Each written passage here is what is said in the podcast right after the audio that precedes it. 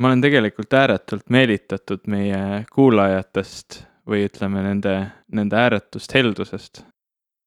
ütle ka midagi tarka ma mõtlesin, et et sa alustasid mingi ilusa monoloogiga, mis läheb Aa. kuidagi pikalt edasi, aga ka mina olen äh, väga meeldivalt üllatunud, et äh, meile tuligi kampa kaksteist pioneeri, kes on meie kõige esimesed äh, patroonid ehk siis toetajad sellisel ühisrahastusplatvormil nagu Patreon. aitäh teile, et te meisse usute ja et te aitate meil seda saadet teha.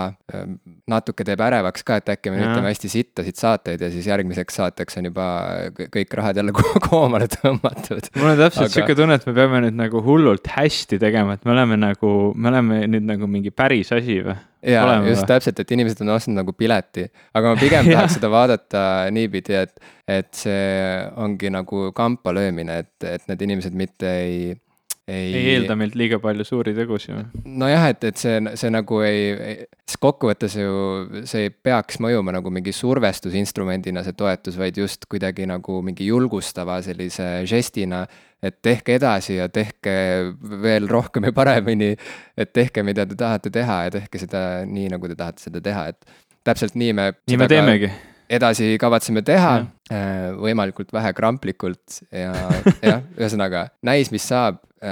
see on nagu ka meie jaoks esmakordne asi, mida proovida ja üleüldse Eestis on nii vähe podcast'e ja nendest podcast idest ainult üks on praegu Patreonis, need oleme meie popkulturistid, nii et see on igatpidi selline suur eksperiment. aitäh, et te olete meiega ja vaatame, kuhu me jõuame niimoodi kindlasti kaugele.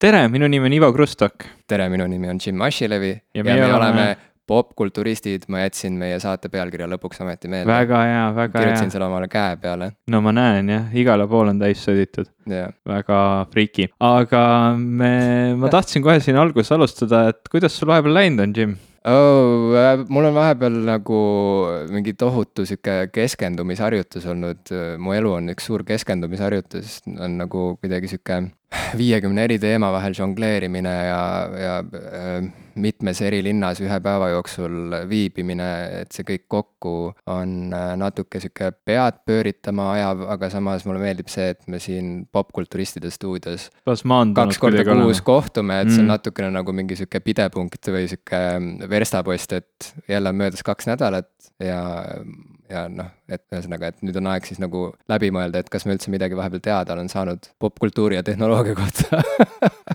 kas su keskendumine on paremaks ka läinud kogu selle harjutamise juures?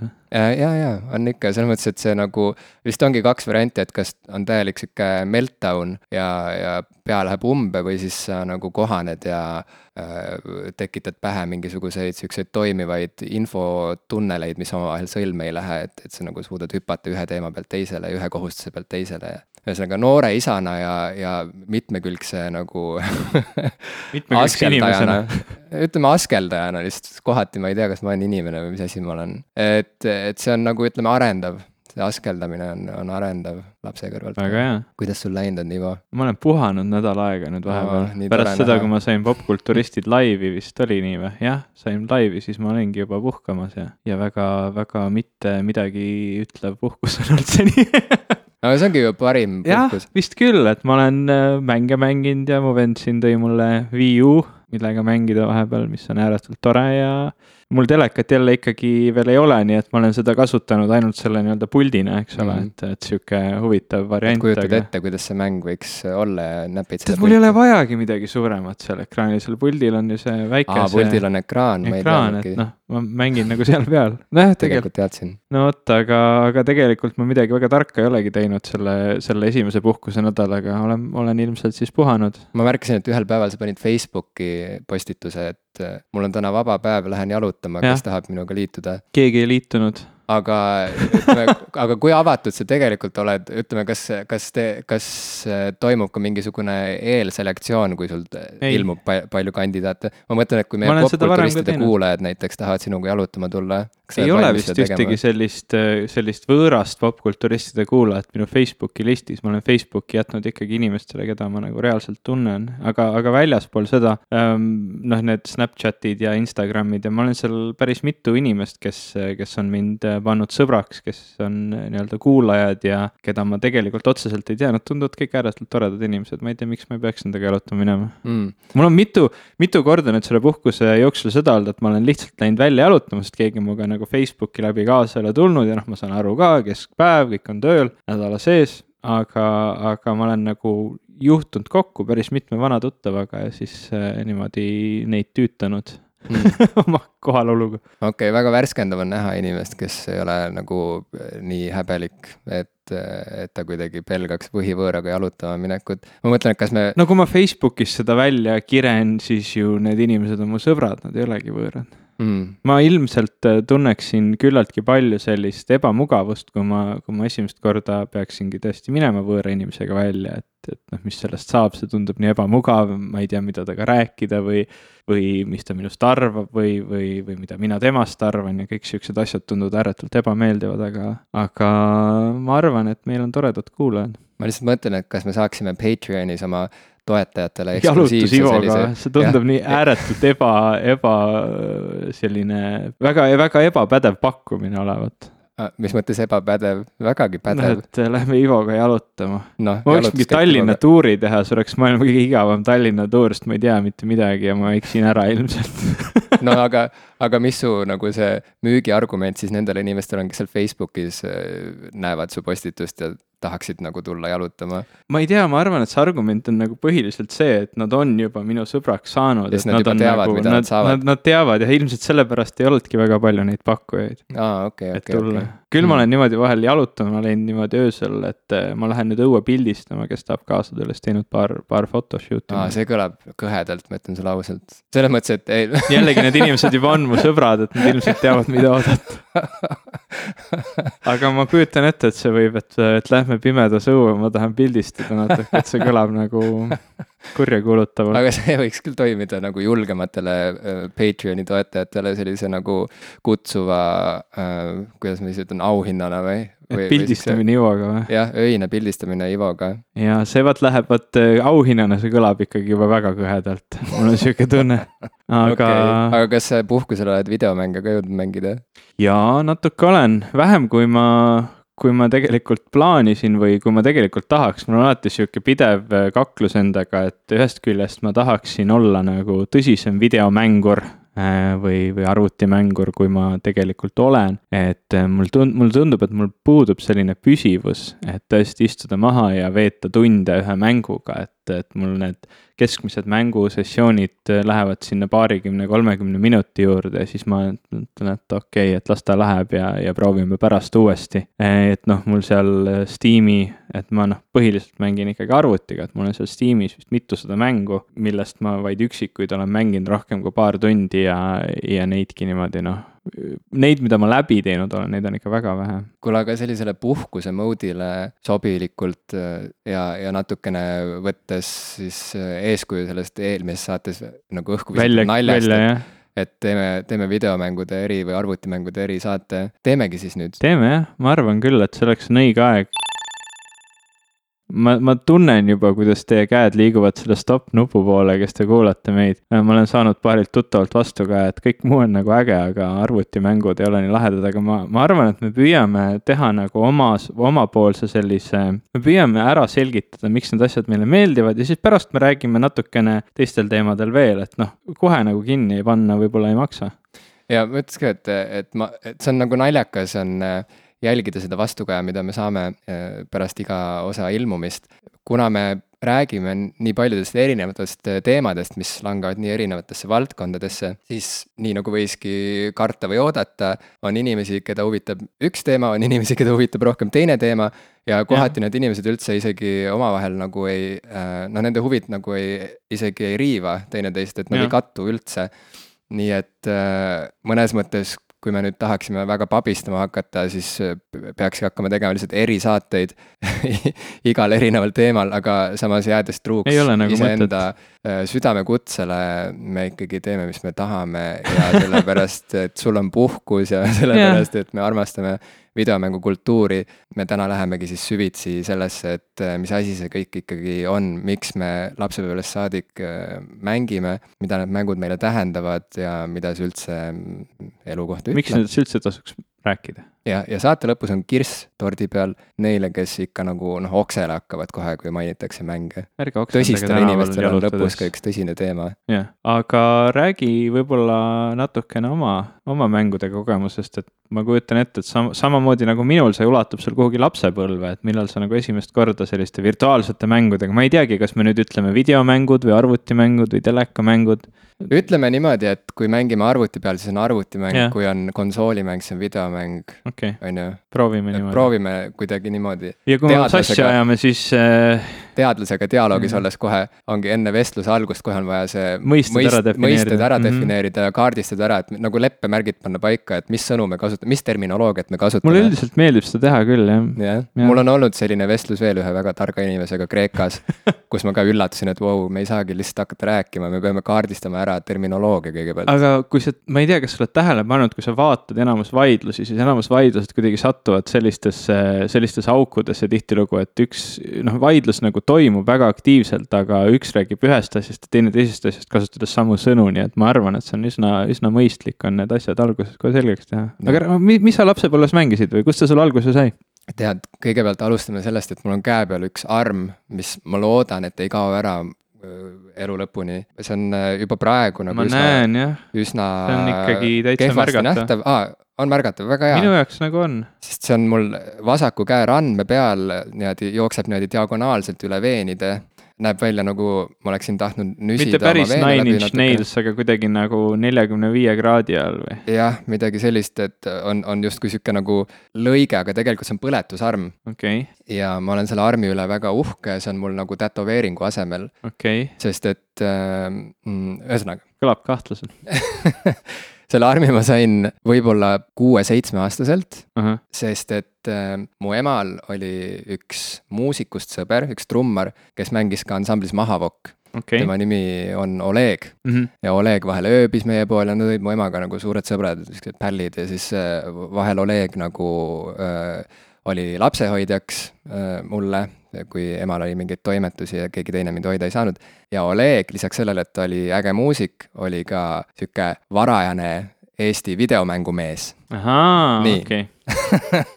jõudsime kuidagi siia jõudsime teemasse. nii, ja, ja Olegil oli igasuguseid seadeldisi ja mingeid masinaid, ta isegi vahel tegi selliseid konsoolimängu õhtuid Nõmme kultuurimajas ja, ja, ja noh, see tehnika, mis tal oli, see ei olnud isegi mingi NES ega sedalaadi värk, vaid see oli nagu see veel varasem tehnoloogia, kus sa panid, äh, kus mängud olid kassettide peal ja ma ei mõtle neid kassette, mida me, mis meil kohe silme ette kangastuvad, need kollased kassetid, mida kõik yeah. mängisid.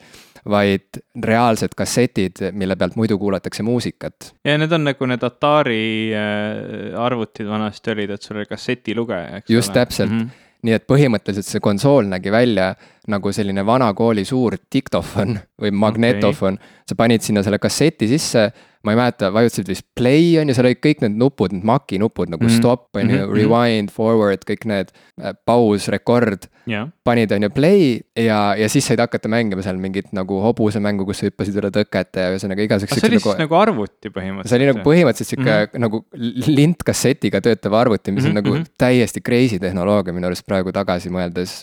ja ma ei ole uurinud, kuidas see toimib, võib-olla sina tead. ma ei ole seda uurinud, mismoodi see asi nagu siis nagu sealt sees toimib, kuidas see mäng sealt kasseti pealt sinna, sinna telerisse lõpuks täpselt jõuab või mis saab, kui see lint näiteks lõppu jõuab, nagu et kas siis mäng peatub? ei, see mis... üldse ei toimi nii, nagu sa ette kujutad praegu, see okay. toimib, see on hästi lihtne, selles suhtes, et. aga, et ah, seleta mulle see ära, ma jõuan selle Olegi jutuga lõpuni ja siis okay. palun seleta see lahti. ühesõnaga, Oleg äh, oli mulle lapsehoidjaks ja siis ma tema juures sain mängida neid mänge, on ju, kõvasti.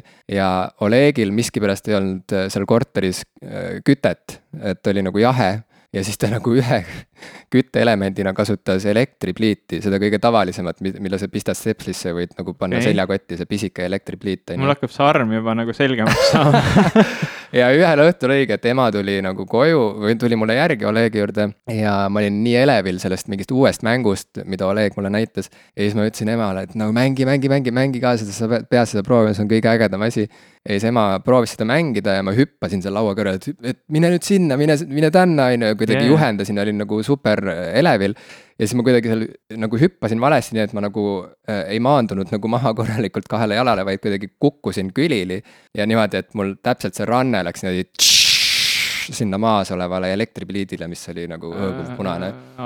no vot, ja siis mind viidi koju, röökisin nii, et terve Pelguranna see rajoon Ko. koju, mitte, mitte haiglasse. viidi päris koju jah, sest mu vanaema medõde ja ta okay. nagu pani mulle seda õiget vahtu kohe sinna käe peale mm. -hmm. ühesõnaga, sellest ajast peale mul on see arm ja vana arm, see ju teatavasti ei roosteta nii et, et, et põhimõtteliselt mul on nagu Ehm, juba väiksest saadik olnud nagu nii sügav armastus äh, selle videomängu tehnoloogia, selle kultuuri, kogu selle nagu graafika, nende erinevate esteetikate vastu. see on säilinud tänaseni ja ma uhkusega kannan seda armi, see sai alguse sellest hetkest, kui ma ütleme siis, kui, kui, kui mind ära märgistati selle uhke, uhke armiga, mis ütleb, et gamer for life. mul on, mul on tunne, et sa olid sihuke vastikult hüperaktiivne laps see on nagu see pilt, mis mul nüüd sinust nagu ette, ette tuli selle loo peale mm. -hmm. No, okay. sihuke tüütus. ma ei hakka ennast äh, kaitsma okay., aga räägi mulle parem, kuidas see kassett siis ikkagi töötab? no need olid, äh, need olid hästi paljudel vanadel Commodore ja, ja ka Atari arvutitel, et äh, noh, sul oli, ei olnud väga palju erinevaid viise, kuidas suuri andmekoguseid salvestada ja, ja liigutada, noh arvutid tihtilugu ei tulnudki üldse kõvaketastega. selleks, et selle arvutiga midagi teha, sa panid kõigepealt äh, mingisuguse flopi ketta sisse, sealt laadisid siis selle asja maha, mida sa tegema tahtsid hakata. tihtilugu oli veel nii, et kui sa tahtsid korraga kasutada operatsioonisüsteemi ja mingit mängu, oli jube hea, kui sul oli kaks seda nii-öelda flopi lugejat et siis sa said siis samal ajal nagu ütleme, laadida maha oma operatsioonisüsteemi ja siis midagi sealt käima jooksnud, et sa ei pidanud kogu aeg vahetama neid flopi kettaid. nüüd teine variant nagu suuremaid andmemahtusid ho hoiustada oli siis lint, noh, tavaline, kas siis suurte nende ma ei tea, kas keegi on näinud neid suuri äh, lintmakke, nagu kunagi oli, et mul on kodus isegi vist veel paar tükki kuskil alles. politseisarjades alati tüübid kasutavad ja. neid lintmakke. Need on nagu kuidagi siuksed väiksemad, aga noh, ikkagi suured, siuksed seina peal, siuksed mõnusad kolmekümne sentimeetrise läbimõõduga siuksed kettad, eks ole mm, -hmm. lindid. ja nendel, äh, ütleme, suurtel ülikooli arvutitel ja ütleme, andme, kus ikkagi töödeldi suuri andmekoguseid sõjavägedes, ülikoolides, nendel olid siis seinte peal, vaata, kui sa näed vanasid arvutiruume eks ole, et seal on nagu ruum on täis arvuteid, tulud, tulekesed vilguvad ja siis on siuksed lindid keerlevad seinte peal. põhimõtteliselt sa võtadki selle magnetlindi ja selle asemel, et sinna salvestada siis see heliinformatsioon, et kuulata muusikat, sa salvestad sinna tavalise siukse binaarkoodi põhimõtteliselt, sihuke arvuti andmestiku. ja nüüd, kui sa oma arvuti tööle paned ja tahad sealt lindi pealt midagi maha lugeda, siis sa paned sinna selle kasseti sisse, ütled arvutile lae, siis arvuti hakkab kuulama seda nii-öelda sisse tulevat audiosignaali või noh, sisse tulevat andmesignaali siis selle kasseti kasseti pealt ja vajutadki samamoodi nagu oma audiokasseti mängijal, vajutad siis play nuppu, see andmestik hakkab sealt kassetilt maha jooksma ja arvuti laeb selle omale siis mällu. ja noh, siis sa võid põhimõtteliselt selle kasseti ära võtta, ta enam seda kassetti nüüd aktiivselt ei loe, kui ta on korra selle programmi sealt juba maha lugenud. kas see tähendab siis seda, et mingi mängu mängimiseks tuli kõigepealt sööta sisse masinasse see jupp sellest lindist, kus peal oli selle mängu jaoks vajalik info see ei pruukinud võtta kogu lindi mahtu enda alla, eks ole. aga see laadimine oli jah ikkagi küllaltki pikk, kui sa seda ette kujutad, aga see oli oluliselt kiirem kui teine variant, mis oli tihtilugu, ütleme, kui sa olid sel ajal sihuke kümneaastane poiss või tüdruk või seitsmeaastane ja tahtsid midagi mängida.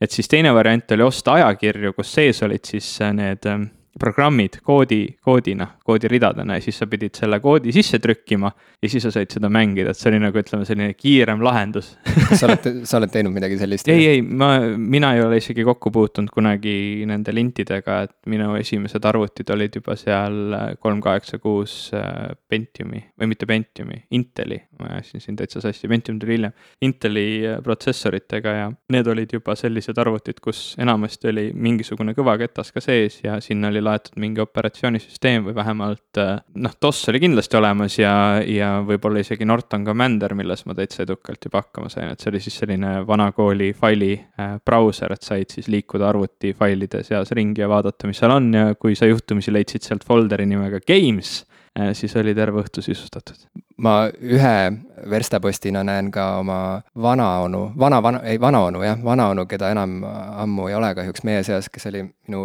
nagu suguvõsa või perekonna kõige targem ja tasakaalukam inimene. siiamaani meenutan teda vahel, et, et mismoodi ma ise inimesena oleksin võinud kujuneda, kui, kui ta ei oleks liiga varakult lahkunud, aga ta töötas Tehnikaülikoolis õppejõuna mm. -hmm. ja oli selline nagu terane inimene, matemaatika ja reaalteaduste inimene ja tal oli kodus üks varasemaid Mace mm -hmm. ja iga kord, kui me käisime onu Arvol külas Õismäel, siis äh, ma sain mängida seal mingisuguseid varaseid Maci mänge ja mulle tundus Mac üldse nagu mingi väga imeliku seadeldisena, et vau wow,, mis arvuti see on, see on. aga kas see oli siis kohe liigist. nagu Macintosh või see oli mingi Apple kaks või kaks? tead, ma nii, ma ei tea, mis see võis olla noh, mi-, mi-, mis see sai olla huvitav aastal, ma ei tea, üheksakümmend üks või üheksakümmend no kui ta oli sihuke väike kast, küllaltki väike kast ekraan ja, siis flopi lugeja, see oli kõik nagu sihuke üks väike kast. no see oli Macintosh no, ilmselt, mitte. Apple, Apple kaks olid tihtilugu siuksed natuke suuremad masinad. okei okay,, siis see oli jah, pigem see, et tema pool külas olles ja ka ta, tema juures töö juures käies seal TTÜ suures hoones, ma sain nagu kokku puutuda selliste arvutitega, kuni lõpuks jõudis ka meile koju üks mitte küll Mac, aga ka mm -hmm. mingisugune algeline arvuti ja siis juba läks nagu see asi täiesti äh, nagu käest ära et, et siis ma mängisin väga palju juba.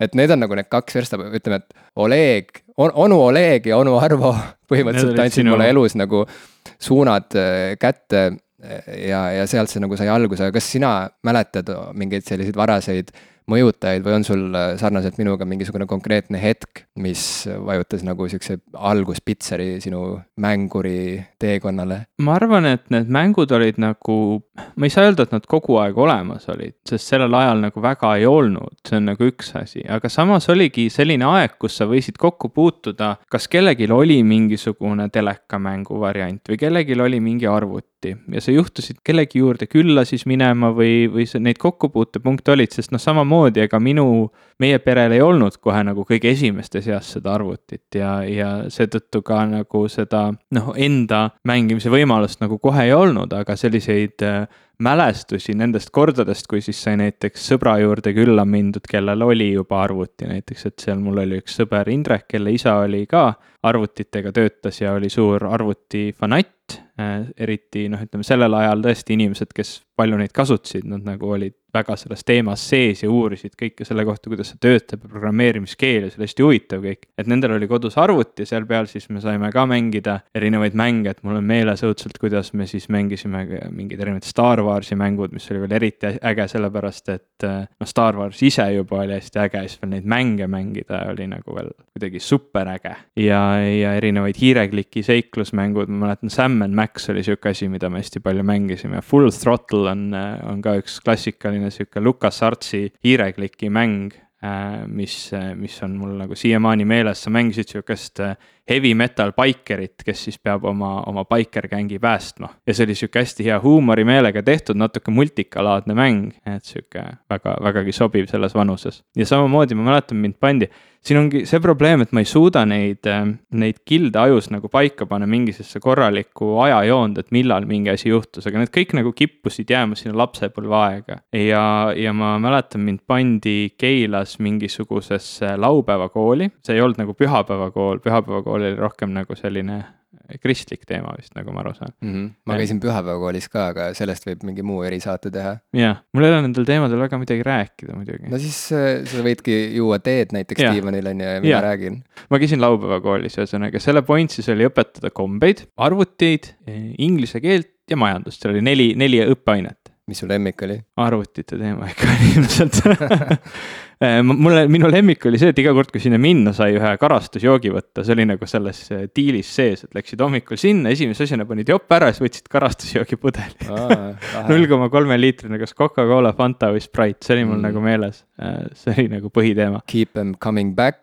jah, täpselt suhkruga lapsi nagu ikka võeti konksu otsa no,. jah, ja siis ma mäletan jah seda, et, et seal nagu noh, need majandustund ja seal mingi inglise keel ja kombeõpetus, need kõik olid selline noh, ma ei mäleta sellest tegelikult väga mitte midagi, aga siis meil oli arvutiklass seal, kus siis äh, sai mängida arvutitega, need olid siuksed mõnusad, ilmselt mingi neli kaheksa kuus või kolm kaheksa kuus protsessoritega arvutid, millel oli see ääretult äge turbonupp küljes, äh, mida kõik tahtsid vajutada, sest noh, loomulikult turbonupp on ju turbo, see on parem, mil tegelikult selle nupu point oli see, et ta keeras protsessori aeglasemaks nüüd ma olen alles hiljuti teada saanud, et see noh, oli nagu sihuke võlts turbo. ühesõnaga, see oli vajalik mingi tehnoloogia pärast, kuna osad mängud jooksid äh, ainult selle, ütleme, nad võtsid oma kiiruse, arvutasid selle protsessori kellakiiruse pealt ja siis tuli seda kella natuke alla keerata, kui uuemad protsessorid tulid mm. -hmm aga jällegi okay., see läheb nüüd natuke liiga detailidesse, mäletan hästi palju neid, neid kilde siis nendest erinevatest kohtades mängimistest, kuni lõpuks siis meie perre ka ostati esimene arvuti, mis selleks hetkeks oli siis juba Windows üheksakümne viie arvuti, ei olnud enam vaja mässata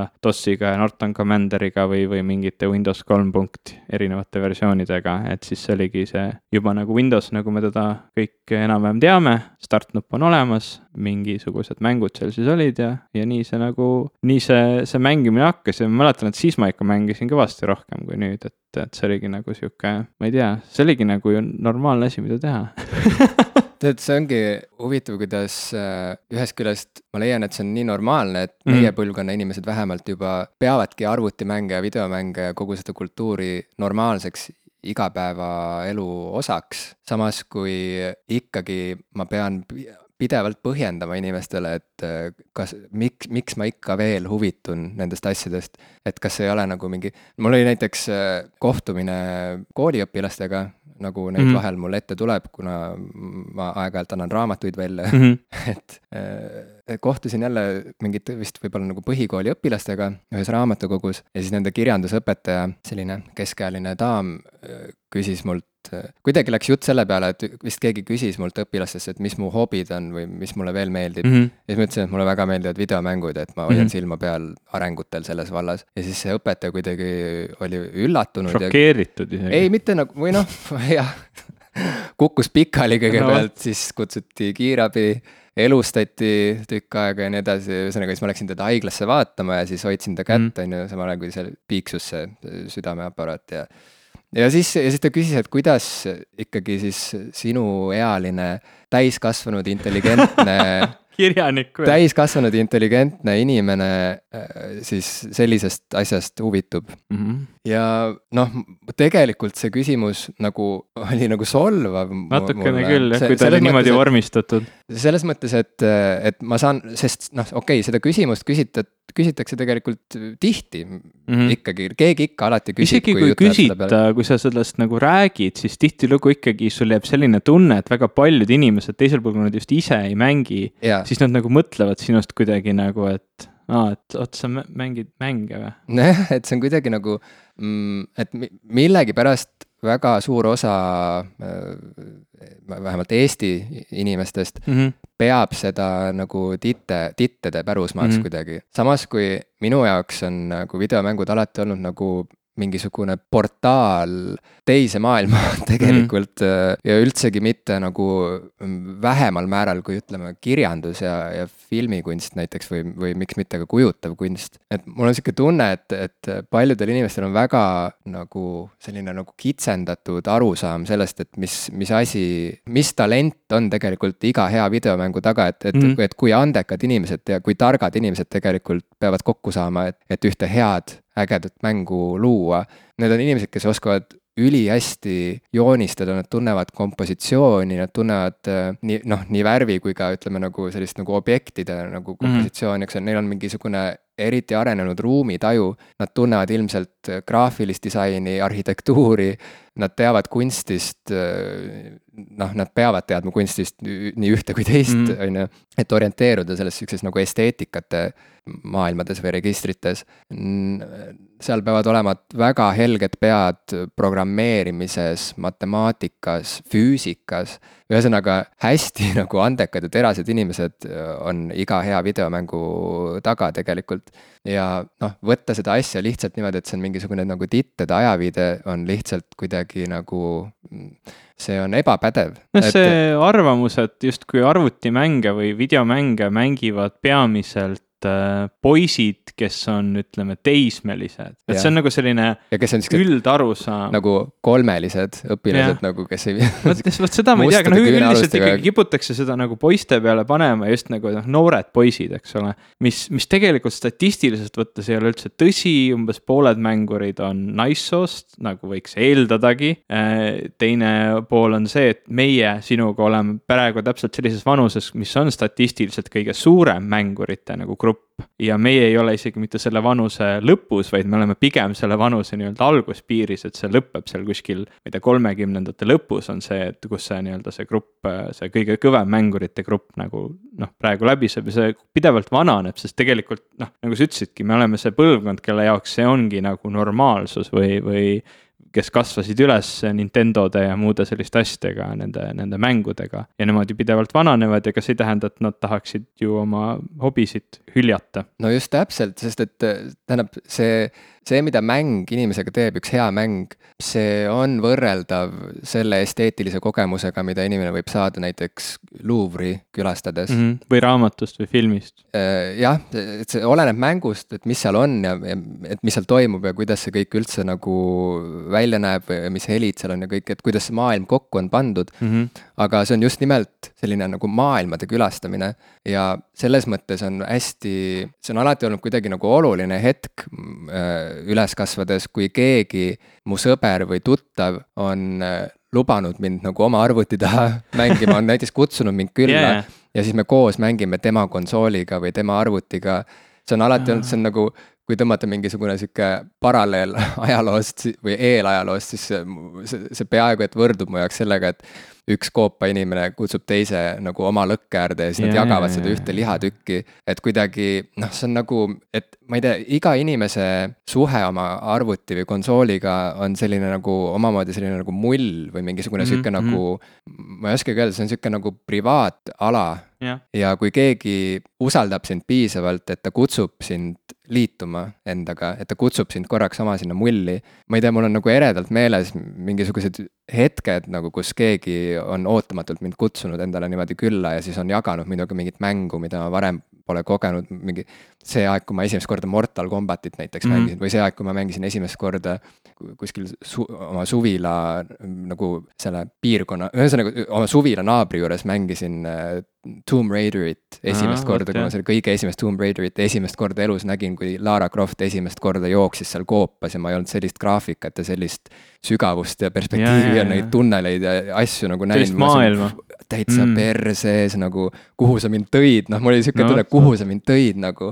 ja see oli sihuke tänutunne ja sihuke tohutu elevuse tunne ja noh, et, et selline nagu maailm, maa, uue maailma külastamise elevus on säilinud siiani tegelikult mu jaoks nagu parimaid mänge mängides ja noh, see ei ole väike asi, see ei ole mingisugune noh. see sotsiaalne pool on nii huvitav aspekt praegu, sellepärast et mul on ääretult kahju, et ma ei ole seda väga palju üldse viimasel ajal kogeda saanud. praegu tundub see nagu mitmikmängimine tihtilugu olevat seotud just konsoolidega, et sa saadki nagu sõpradega maha istuda ühe suure teleka taha, mängida neid mänge koos. või siis eh, nüüd on ta pigem nagu võrku kolinud, et, et sa mängid üle võrgu sõpradega koos, et, et mul on isegi natuke kahju, et ei ole vähemalt minul väga palju ette tulnud seda, et ma saaksingi nagu sõbrale külla minna või, või äh, ise kedagi külla kutsuda ja koos mängida, sest minu arvuti taga noh, kuidagi ikka saaks nagu kahekesi mängida, aga see ei ole just selline ideaalne kogemus kui just teine inimene ise võib-olla oma mingit Xbox'i pulti kaasa ei võta ja siis me leiame mingi sihukese mängu, mida saab ja noh, ütleme, ta on rohkem jändamist, ta ei ole selline lihtne, et tule istume maha, hakkame mängima kogemus. noh, enne kui konsoolid ja arvutimängud läksid online yeah., enne seda oli nagu rohkem põhjust või seda survet. ühe klaviatuuri taha nagu, ma just mäletan kaklusmänge vennaga mängida, me olime nooremad siis, et, et üks oli nagu ühel pool klaviatuuri yeah,, teine teisel pool. nagu mängiks klaverit kahekesi. ma mäletan, kui vend kaotas, siis ta pani pani mulle rusikaga nagu päriselus kõrvalt ja noh, selliseid kogemusi on tegelikult hästi palju äh, ja tegelikult neid võrgu mängimiskogemusi ka, et hiljem me olemegi vennaga küllaltki palju võrgus mänginud ja mul on äh, jube head mälestused sellest, kuidas me ühe hea sõbraga, kes, kes elab Tartus, niimoodi mänginud, et, et me mängisime golfi üle võrgu, see oli mingisugune Tiger Woodsi mingi golfimäng Läksime sinna sisse, samal oli Skype'i kõne, ajasime niisama juttu ja mängisime golfi. ma ei ole päriselus kunagi golfi mänginud, aga ma kujutan ette, et see nagu kogemus on äh, küllaltki sama, et on rohkem selle sotsiaalse poole pärast, noh, ütleme mitte sama nagu füüsiliselt, et sa lähed kohale ja mängid golfi, see on loomulikult erinev, aga see sotsiaalne pool on ju seal ikkagi see nagu väga suur osa sellest mängust. Ja ma mäletan, see oli ääretult tore sihuke tegevus.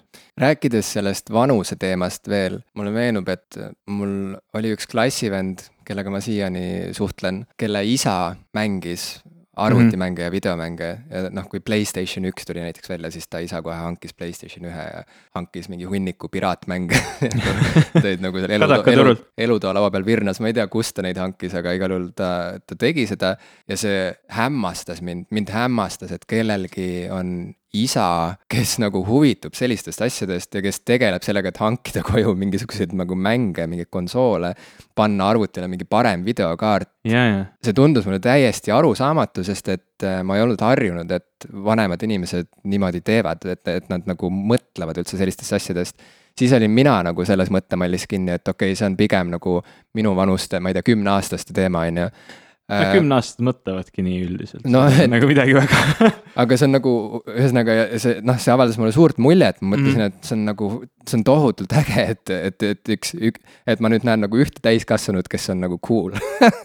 See tuletab lihtsalt... mulle meelde väga laheda loo, ma korra siia vahele räägin mm, -hmm. et mul on nagu mälupilt sellest, meil ükskord oli kodus üks telekamäng, mida, seda ei juhtunud tihti, aga me olime kuskilt laenanud mingi telekamängu. Ja ma mäletan, see, see on ainuke kord, kui mu isa on mänginud äh, nagu mänge. ja see oligi täpselt niimoodi, et hommikul ärkad üles, tuled alla ja vaatad, isa on varem hommikul üles ärganud selleks, et mängida telekas Bombermani mm.. Bomberman oli ainuke mäng, mida ta mängis ja see oligi nagu täpselt niimoodi, et ta ärkas hommikul natuke varem üles, et siis nagu mängida. enne kui meie ärkasime, siis natuke telekamängu, see oli minu arust ääretult lahe väga lahe, noh, et ongi, aga eks ole ju, et nagu siuksed täiskasvanud, kes tegelikult päriselt viitsisid ja mm, -hmm. ja mhm. nagu huvitusid, neid oli ju ülivähe.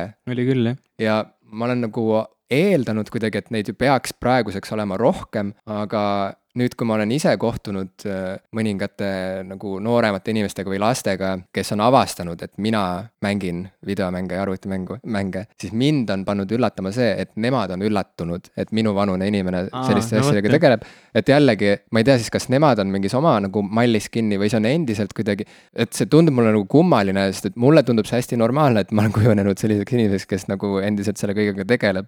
ja et, et see võis olla varem kuidagi nagu haruldasem, aga kuidas ikkagi nii on, et et, et miks nad nagu üllatuvad või kas, kas siis ikkagi ma kujutan ette, et neid või, või inimesed lõpetavad mängimise, kui nad lapsed saavad või nagu mis, mis teema on et. et mul ei ole äh, ühtegi nagu näidet küll tuua, ma tean, et kõik minu sõbrad, kes on olnud suuremad äh, mängijad, on, ikka mängivad veel, ma ei, ma ei tea nagu väga palju siukseid inimesi, kes oleksid suuresti olnud mängudest nagu huvitunud. ja sa oleksid nagu mingil ühel või teisel põhjusel selle ära lõpetanud, said lapse, fine, mängid öösel, kui sul natuke aega üle jääb või, või noh, ei jää enam nii palju aega, aga tegelikult sellist aega, kus sa lihtsalt korra istuks maha ja, ja vabastaks endast pingeid, mis põhimõtteliselt see mängu teema on, sa võid vaadata sarja, sa võid lugeda raamatut, sa võid vaadata vaadata filmi ja sa võid mängida mingit mängu. sellist aega ju tegelikult inimestel on, inimesed loevad, inimesed vaatavad filme, tihtilugu räägitakse, oo, me käisime nädalavahetusel kinos või vaatasime pühapäeval kolm filmi järjest, sest noh, väljas sadas vihma, no sama hästi sa võiksid ju siis mängida. aga ma küsin sult nüüd niimoodi, kuidas sina seletaksid lahti selle selle asja või selle, selle imeliku nagu, no fenomen on palju öeldud aga mis sa arvad, nagu miks see nii on, et, et seda hullult nagu kiidetakse ja ühesõnaga, kui inimene loeb raamatuid, siis talle nagu patsutatakse õlale ja tehakse pai, öeldakse, et tubli, tubli oled. ja kui ta nagu mängib mänge, siis vaadatakse viltu ja öeldakse, et äh, võta ükskord raamat ka kätte. ma olen, ma kuidagi tajun, et need on nagu mingite ajaviite võimaluste äh, valikust nagu need kaks äärmust mõnes mõttes ja seal keskel kuskil on ka sport ja nii edasi. ühesõnaga mi,, miks see nii on, et nagu mängude mängimise harjumust kiputakse halvustama ja ütleme nagu lugemist kiitma, ma arvan, et sellest tulenes ka selle õpetaja küsimus mulle mm. -hmm et ma kohtusin nende õpilastega kirjanikuna, mis on äh, nagu kõige auväärsem selline Amet nagu tiitel riigis, või amet jaa. mingis nagu kultuurivaldkonnas, eks ole. et järelikult noor inimene kirjanik, inimene, kes oma noorust kulutab kirjutamisega. no ongi, et ini-, no inimene, kes süveneb, kes Jah. mõtleb surma peale iga päev, mõtleb elu mõtte peale kõik iga päev. kirjanikud mõtlevad surma peale iga päev. kindlasti okay., sa ei saa olla kirjanik, kui sa ei mõtle surma peale iga päev. Mu... Jim Ashlevi kirjanike workshop coming up punkt üks, oktoobris, punkt üks, esimene tund. minu, minu jaoks on see kergelt üllatav olnud, et kõik inimesed ei mõtle kogu aeg surma peale, võib-olla must saaks kirjanik, aga ma kahtlen seda. ma arvan, et sinu sees on peidus üks väike ja tubli kirjanik. aga sellele küsimusele mõeldes on, see on, see on hästi mitmekihiline asi, kui ma püüan nagu selgitada, kuidas mina seda aru saan, siis seal ongi nagu nii mitu hästi segast asja, mis kuidagi kõik üksteisega kas on seotud või üksteise vastu toetavad, nii et see ei pruugi üldse kuidagi loogilisena tunduda. aga ühest küljest lugemine nõuab keskendumist, mahaistumist ja mingi asja aktiivset tegemist, sa mm. -hmm. loed aktiivselt. mis on sada protsenti see, mida ka ühe korraliku mängu mängimine me jõuame sinna, eks ole, siis on meil kõrval, eks näiteks telekas, et me ei ole jõudnud üldse veel mängudeni, meil on lihtsalt telekas, teleka vaatamine on passiivne. sa tarbid informatsiooni, sa ei pea otseselt ise vaeva nägema, kuigi tegelikult noh, sa lihtsalt samamoodi ju silmadega vaatad mingit infot, kas ta on nüüd visuaalne, noh lõpptulemus on ikka visuaalne, sa loed, eks ole, raamatust teksti, sa vaatad telekast pilte ja kuulad mingit, eks ole, audiot minu jaoks on samamoodi veider, kuidas inimesed reageerivad eriti imelikult audioraamatute kuulamisele. et äh, aa, ma, ma lugesin seda raamatut, ma kuulasin eelmine nädal selle Audible'ist läbi ja teine inimene vaatab selle peale, et aa, no ma lugesin päriselt no,. nagu seal oleks mingisugune vahe, eks ole, et, et sina nüüd äh, nõuad mingit medalit selle eest, et sa nüüd istusid maha ja lugesid seda raamatust kirjalikult mm. -hmm. -hmm versus see, et see inimene tarbis täpselt sellesama informatsiooni, tegelikult veel lisainformatsiooni, kuna see oli ette kantud mingil viisil, ta sai seal mingi teise dimensiooni veel juurde, lihtsalt see on selle meediumi nagu osa. Mm -hmm. et ta nüüd, eks ole, see on nagu kehvem, et ta kuulas seda. See on päris õudne, et sul on, on sõpru või tuttavaid, kes nõuavad medaleid raamatute lugemise eest. aga sellest teinekord. selline, selline kujundlik äh, kõne, aga,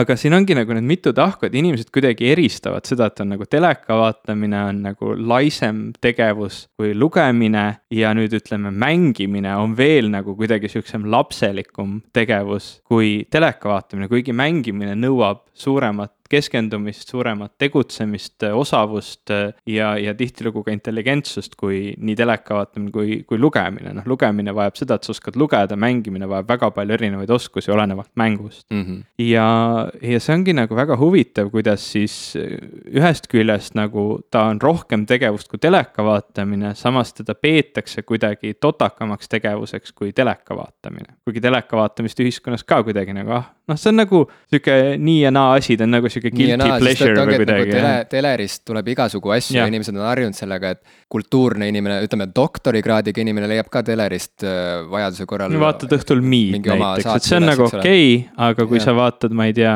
mida doktorikraadiga inimene ei tohi vaadata, ma ei ole seda memo kätte saanud veel, aga, aga ma, ei tea, Santa. Barbarat või. Nalja teed või? Santa Barbara ei töö- käi enam telekast, oota, aga esiteks. Santa Barbara, sa otsisid näidet, mida doktorikraadiga inimene ei peaks vaatama. Santa Barbara ja, ja see on see, mis ju praegu jookseb tele, televiisoris see on jah, see on see, mida kõik vaatavad praegu. okei. see ja Metsik Roos. paistab, et sa oled hästi kursis sellega, mis tänapäeval nagu telekas näidatakse. okei padjaklubi, okay,, Padjaklubi okei okay,, vot ma nägin just Facebookis oli, keegi postitas mingi padjaklubi hooaja apsud. siis ma tahtsin vaadata, et mis saade see on ja ma sain ainult saate apse vaadata, ma ei saanud seda saadet ennast vaadata, aga see on mingi TV3 Play enda probleem mm., ühesõnaga. Padjaklubi ei ole üldse kõige hullem ja seal mängib mu sõber, nii et ole ettevaatlik.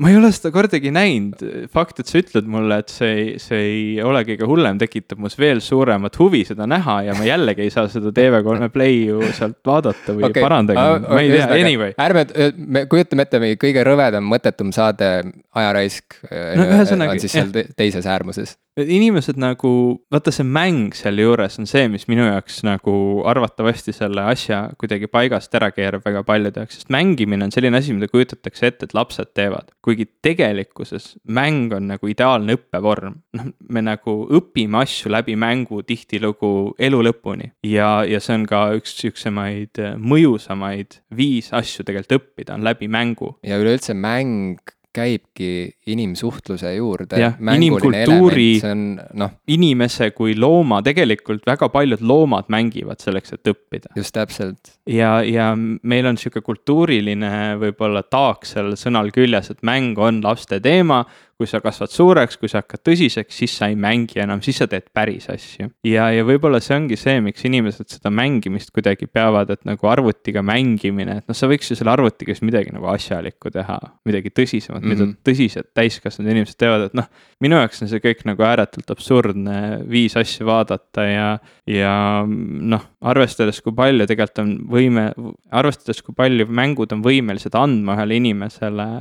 on, on tegelikult natuke nukker, et paljud inimesed seda nii vaatavad, sest inimesed soovitavad teistele väga häid filme vaadata, mis neid väga muutsid või väga häid raamatuid lugeda, mis neid mingil viisil liigutasid mm. -hmm. mul on samamoodi tegelikult võimalik inime-, inimestele soovitada mänge, mis on mind kas kuidagi liigutanud või muutnud või minu arusaama maailmast muutnud, sellepärast et mäng on täpselt sama valiidne eh, meedium mingisugust mõtet edasi kandma, nagu on film või, või raamat või ma ei tea, luuletus. täpselt, täpselt, täpselt. et äh, ma just, äh, tegelikult üks asi, mis ma kirjutasin omale üles, et ma tahtsin selle kindlasti välja tuua. kui me rääkisime mitu saadet tagasi videomängudest, siis meie ühine tuttav Loore rääkis, kuidas ta oli kinkinud oma poissõbrale mingi konsooli. PS4. jah võis küll nii olla. oli, oli. ja, ja et, et muidu teda nagu üldse mängud ei huvita, see asi nagu talle nii väga, et ta ise ei ole nagu väga mänginud, aga noh, vähemalt ta sai sellise toreda kingi teha ja minu meelest oli see väga äge king ka loomulikult, aga siis see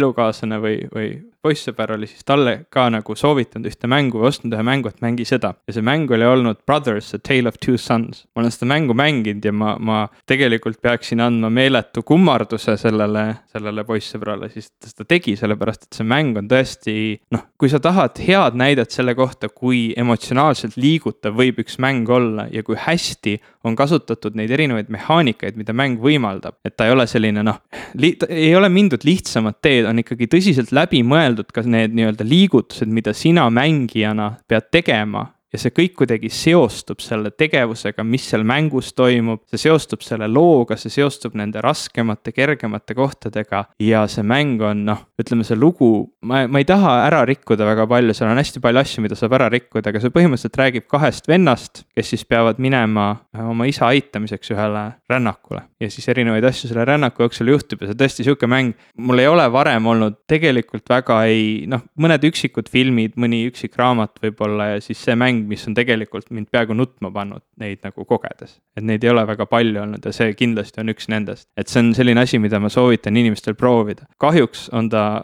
mõistlikum mängida puldiga, et noh, ta on arvutimäng ilmselt, mina mängisin teda arvutil, aga ta on vist ka mingitel konsoolidel olemas ja teda on vaja mängida selle konsoolipuldiga, kus on need, ma ei tea, joystickud või yeah. sõrmede all, et, et. rõõmupulgad. jah, et neid on, neid on vaja. rõõmupulkasid on vaja, okei okay., no aga äh, ma usun, et kui juba mäng on olemas, küll need rõõmupulgad ka siis juba välja ilmuvad, neid ei no, ole vist raske hankida. ei ole. aga mina ei ole kunagi ühtegi mängu mängides nutnud, ma olen väga suurt rõõmu tundnud ma, ja ma olen tundnud väga suurt äh, hirmu, sest üks mu lemmikžanreid tegelikult on survival horror, mis mm. äh, enne kui me salvestama hakkasime, siis sa vist mängisid ka ühte seda tüüpi mängu, ma nägin, et. ma olen jah neid. ekslesid kuskil lumistes Kanada metsades ja. The Long kohe... Dark oli selle mängu nimi, ma olen seda, see on üks sihuke, ta ei ole väga vana mäng, aga ma olen seda küllaltki palju mänginud. praegu, viimasel ajal väga mitte, nüüd jälle kuidagi täna või, või eile hakkasin niimoodi vaikselt jälle proovima, et see on sihuke mäng, mida õudselt arendatakse veel praegu, ta pole valmis. tal nagu seda aa. loo, loo, lugu üldse ei olegi, et sa saad seal ainult selles nii-öelda sandbox'is mängida või või lihtsalt sind pannakse sinna maailma ja nüüd sa pead seal ellu jääma hakkama. aa, väga hea, nii et see, mismoodi sa seal mängid ja kuidas seal käitud, see aitab veidi nendel tegijatel paremini välja mõelda, et ja. mis, mis lõpuks, milline see mäng lõpuks peaks olema või? hästi aktiivne kogukond, need arendajad suhtlevad väga aktiivselt ka selle kogukonnaga, küsivad, lasevad neil erinevaid siukseid prooviversioone katsetada ja tagasisidet anda ja on väga kiiresti ära parandanud asju, mida on, on kogemata valesti läinud, et selles mm. suhtes väga huvitav arendus, aga see on jah, selline horror noh, ta on tegelikult, on küllaltki õudne mäng, äh, et aga see õud, õudus ei tule mitte mingisugustest zombidest või väljamõeldud tegelastest, vaid sind pannakse kuhugi Kanada põhjaosas nii-öelda keset külma metsa väga külm, väga raske koht, kus ellu jääda. see mäng on võrratult ilusasti tehtud, et sa vaatad enda ümber seda põhja, põhjamaist loodust, seda, neid lumiseid mäetippe ja, ja neid päikeseloojanguid seal pilvede taga, see kõik on hästi ilus. aga lõpptulemus on see, et väljas on külm sul, sa pead oma riideid korras hoidma, sest noh, ütleme ekslemine mm,. kus sa saad oma pesu pesta. pesu pesta ei saa, aga sa pead õmblema oma riietele auke kinni ja niimoodi okay., et sa pead riided korras hoidma, tööriistad korras hoidma, kõik kulub mängu jooksul, toit see läheb halvemaks ajapikku. see kõlab küll õudselt, Ivo. ja, ja mis selle mängu väga õudseks teeb, on see, et noh, seal on hundid, kes sind tahavad äh, tihtilugu sulle kallale tungida mm.. vahel juhtub, et läheb hästi, sa leiad kuskilt mõne relva või, või teed omale vibu ja saad neid küttida aga küllaltki ohtlikud on need siiski, karud ka. Ja ma mäletan, et selles mängus on mitu sihukest olukorda olnud, kus ma olen mingeid tegevusi tege-, tehes hilja peale jäänud, öö on hakanud tulema, pimedaks on hakanud minema. ja nüüd ma pean kuidagi leidma mingi ohutu koha magamiseks ja ma kõnnin läbi sihukese öise, tuulise, lumise tee ja, ja ma kuulen külgedelt, kuidas hundid uluvad ja siis ma kuulen kuskilt mingi turinat selja tagant tulevat, et ta ikka, ta ikka mõjub küllaltki õudselt ja mm. muidugi see üksindus, mis seal mängus on, et sa põhimõtteliselt oled ainuke ellujäänud inimene siin maailmas mm. -hmm. et see noh, ta ikka mõjub, ta on sihuke huvitav, huvitav mäng, huvitav eksperiment tal seda jah, lugu veel ei ole tulnud, aga, aga juba see nii-öelda niisama sihuke ellujäämis äh, liivakast on, on ta nagu huvitav. natuke meie juttu tagasi kerides ja rääkides sellest mängu elemendist või mm -hmm. mängust kui sellisest, see on väga lahe, et sa sellise seose välja tõid, ma ei ole selle peale vist niipidi mõelnud, aga ma usun, et küllap see umbes nii ongi jah, et äh, mäng või mängimine on äh, midagi kerglast või, või seda peetakse nagu justkui lapsikuks tegevuseks ja sellepärast tegelikult mõned äh, ma ei tea, kas sõna konservatiivsemad inimesed, võib-olla see ei ole päris õige sõna, aga on, on, on. mitte jah, ma ei usu, et see on niimoodi, neid nii-öelda poliitilisi spektreid. mitte poliitiliselt ma ei mõtlegi, ma ei mõtlegi, aga noh, ühesõnaga, et on, on palju inimesi, palju lapsevanemaid, kes näiteks ei taha, et nende lapsest saaks näiteks näitleja või mm, või mis iganes, noh, tantsija, on ju. sest et see ei ole nagu töö, aga mm miks ei ole töö? sellepärast, et äh, see on mäng mm. -hmm. kui sa eemaldad loomingust mänguelemendi, siis ei olegi olemas sellist asja nagu kultuur enam. nii et tegelikult on nagu naljakas, et ühest küljest on jube nagu väärikas võtta kätte Tammsaare kogutud teosed, istuda mm. maha võtta kõik need materjalid läbi, eks ole, mõelda selle peale. ma ei mõtle seda nagu irooniliselt üldse, ma arvan, et tegelikult noh, ongi nagu see on väga, see on üks paremaid asju, mida sa elu jooksul saad teha, on ju, on võtta kõik Tammsaare teosed läbi ja mõelda selle peale. sest see inimene juba mõtles sinu eest nii paljude asjade peale, et sa astud nagu suure sammu edasi oma isiklikus arengus, kui sa seda teed. aga samas nagu ei oleks olemas mitte mingisugust Tammsaaret, kui tal ei oleks lubatud mängida, me oleme harjunud mõtlema, et Tõde ja õigus näiteks on midagi nagu noh, supertõsist, eks ole, et noh, see on natuke nagu mingi herneteradel põlvitamine või midagi, et sa lihtsalt pead seda tegema, sest see on sinu kultuuriline kohustus, eks ole, kui sa tahad mm -hmm. olla kultuurne inimene, kui sa tahad aru saada, et mis kultuuriruumis sa elad, mis, mis taagad siin on ja millest siin on unistatud, millised kannatused siin on olnud, siis võta see materjal läbi, aga et ega see midagi lõbusat ei ole nagu me unustame ära, et äh, tegelikult nagu kirjandus on alati mäng, see on, see on mäng fantaasiaga, mäluga, kultuuriga mm,, tähendustega. kirjanik mängib oma tegelastega. kirjanik mängib oma tegelastega, ta kehastub ümber, ta kirjutab vahepeal nagu naine, ta kirjutab vahepeal nagu mees, ta kirjutab vahepeal nagu laps, ta kirjutab vahepeal nagu loom. ühesõnaga, ta hüppab ühest ajastust teise, no mis see muu on, kui mitte mäng, see on, see on rollimäng, ütleme nagu oma kõige puhtamal kujul või kõige tooremal kujul. huvitav oli jälgida, kui sinu eelmine raamat välja tuli või noh, see Kehade mets, noh ikka vaatad ju, kui sõber on telekas ja nii et, et kõik intervjuud äh, liikusid sinnapoole, et inimesed tahtsid sulle sulle justkui seda, seda tegelast seal raamatus nagu noh, külge panna, et no aga sa ju kirjutad endast ometigi. Et mm -hmm. noh, see mhm. oli kuidagi nii keeruline vastu võtta fakti, et kirjanik võib ju maha istuda ja lihtsalt midagi välja mõelda, et võtta mingid asjad, millele ta on mõelnud, mingid ideed, millega ta on mänginud ja need kirja panna mingi tegelase tegudeks, see ei, see ei pea tähendama ju automaatselt, et see kõik on sinu enda läbi kogetud või. noh, ilmselt see on ka, ütleme, selline meelitus kirjaniku suhtes, et, et kui ta nii hästi kirjutab, küllap tal peab siis ju see kogemus endal olemas olema, et ta teab, kuidas kirjutada, aga lõpptulemusena ikkagi kirjanik mängib oma tegelasega, oma, oma tegevustikuga, oma raamatuga. väga tore, kui sa seda päriselt ka usud. Sest et ma olen tõesti pidanud palju põhjendama inimestele või kuidagi justkui nagu tõestama, et ma ei kirjuta üks-ühele iseendast, näiteks romaanis Kehade mets. Mm et see ei ole raamat minust. miks peaks keegi ainult... sind mitte uskuma, kui sa seda ütled või ma, ma nagu äh, sellest ei saa aru. vaat ma ei teagi, midagi seal on nagu, et, et, nagu et inimesed korjavad üles. tegelase pärast, ma ei tea. ei, ma tunnen hea. igasuguseid tundeid selle jutustaja suhtes, sealhulgas ka suurt piinlikkustunnet, aga see ongi põnev mu jaoks, et, et see on väga keeruline, mida kõike ma tunnen nagu selle mm. raamatu suhtes ja selle jutustaja suhtes. aga jällegi mäng, mäng on see, mis võimaldas mul sellise, sellist raamatut kirjutada või mis üldse teeb võimalikuks romaanikunsti. Ehm, ma ei tea päris lõpuni, miks inimesed tahavad mõelda niipidi, et, et see on raamat üks-ühele minust, et need on asjad, mida ma olen üks-ühele ise läbi teinud või, või kogenud.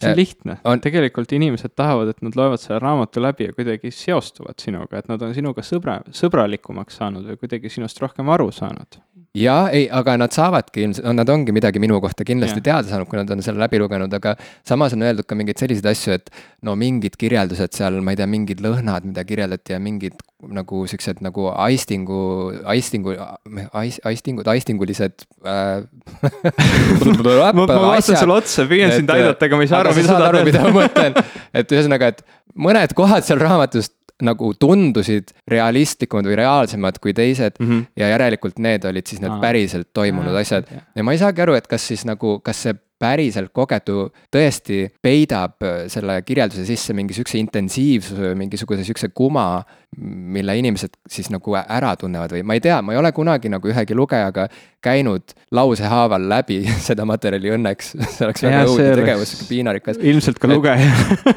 kõik, keegi ei võidaks sellest ja. midagi, aga no kust see tuleb nagu see, see veendumus või see tunne, et vaat see... see peab olema päriselt juhtunud, aga, aga ma lihtsalt, ma kohe lasen sul rääkida, aga ma ütlengi, et see mänguelement vot see ongi mu jaoks põnev, et, et vaata, kui ma kirjutaksin oma elust, ma võiksin ju lihtsalt pidada blogi mm. -hmm. Kasvõi varju nime all, noh, kui ma häbeneksin mingeid asju, ma lihtsalt räägin, mis juhtus minuga ja mis ma sellest arvan, on ju.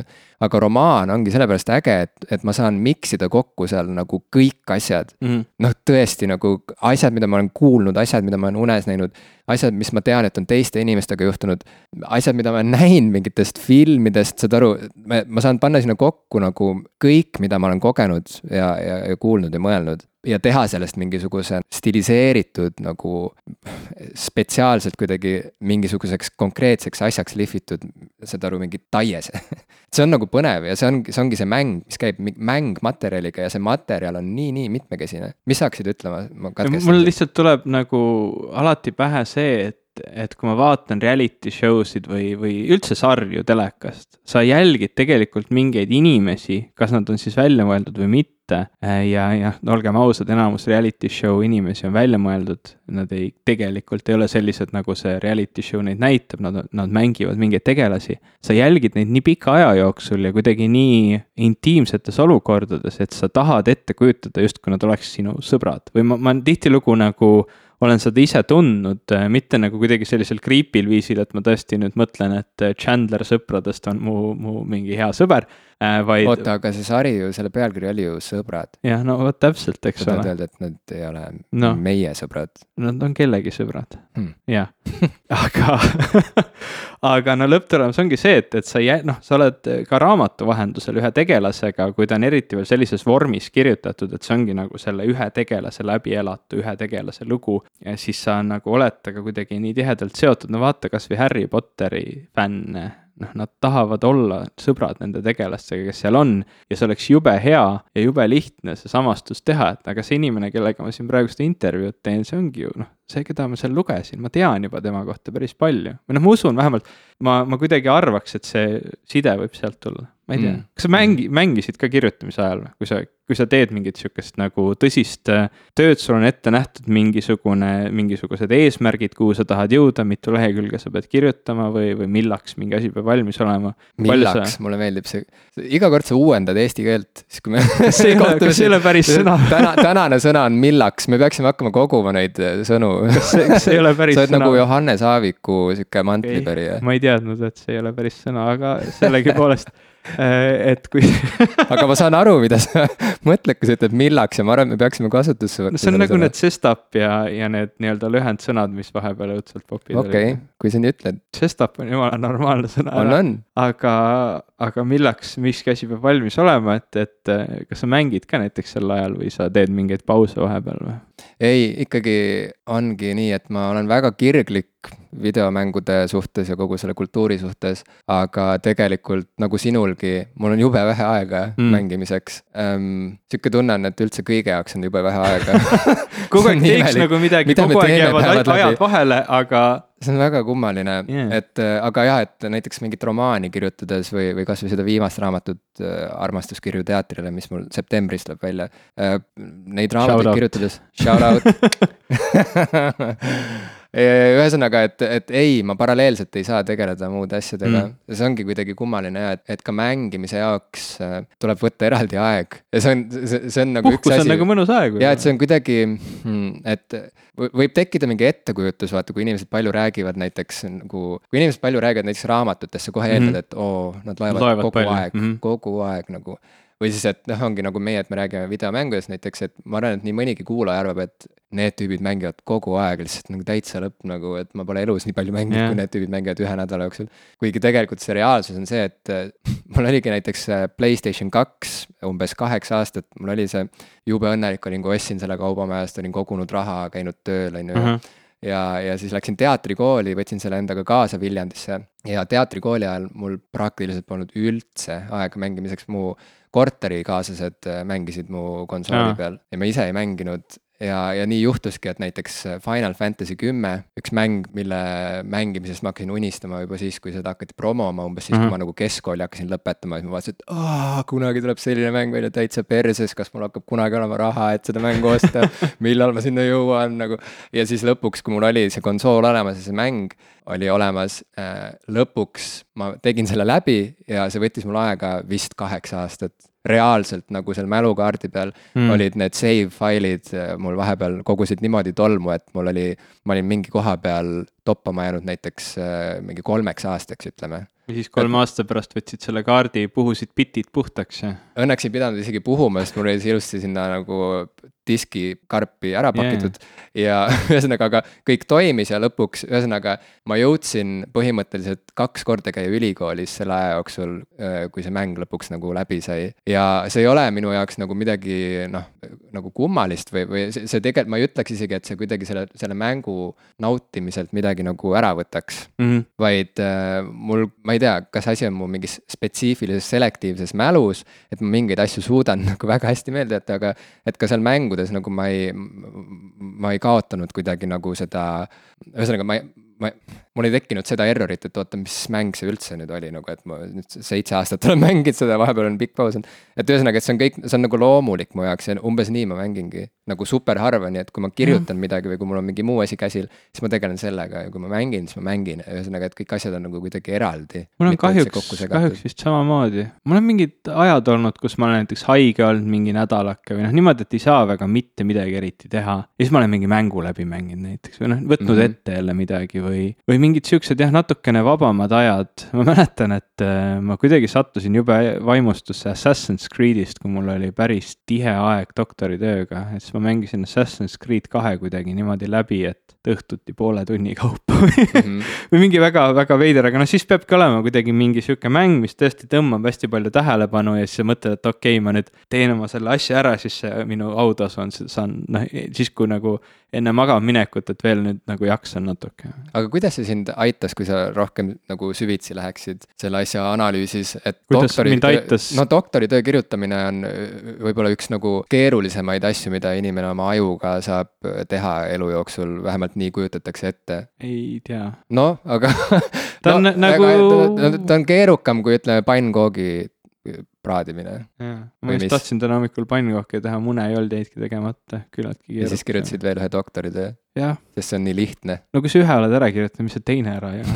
see on nagu, see on nagu inimesed räägivad laste see saamisest. kirjutamine ei ole keeruline, see töö, mis sa pead tegema enne seda on keeruline. no okei okay,, aga see ju, see käib asja juurde mm. -hmm. et äh, No et kuidas see, kuidas inimesed, need kes on- mängupausid sind nagu, mida nad su ajuga tegid või, või mi- mida see sulle nagu juurde andis, kuidas nad, kuidas nad, kuidas see mäng Assassin's Creed sind nagu turgutas või aitas? ma ei tea, kas ta tegelikult nii väga tol hetkel aitaski või, või mis sellega oli, ma mäletan rohkem seda, et, et hetkedel, kui ma tõesti olin väga stressis, siis mäng aitas mul mingile muule asjale mõelda ja, ja nagu korra välja minna sellest asjast ja tegeleda hoopis sellist tema, sellist tema äh, Mm, praktilisemate tema äh, probleemidega et noh, nagu mänguprobleemid ei ole võib-olla nii abstraktsed, et ma pean nüüd välja mõtlema, kuidas ma selle statistilise analüüsi inimkeelde tõlgin või, või nii, et eh, noh, inimkeel on ka seal vägagi laialt eh, lahendatud.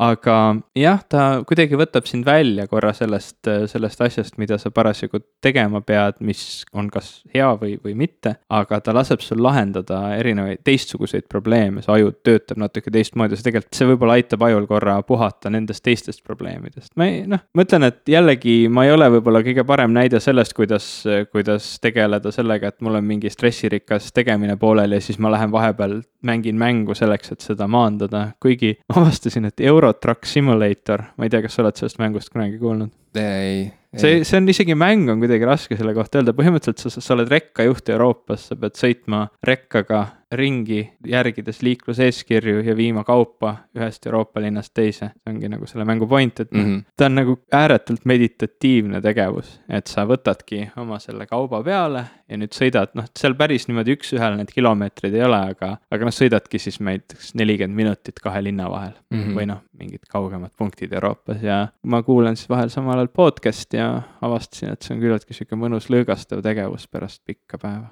jaa, lahe.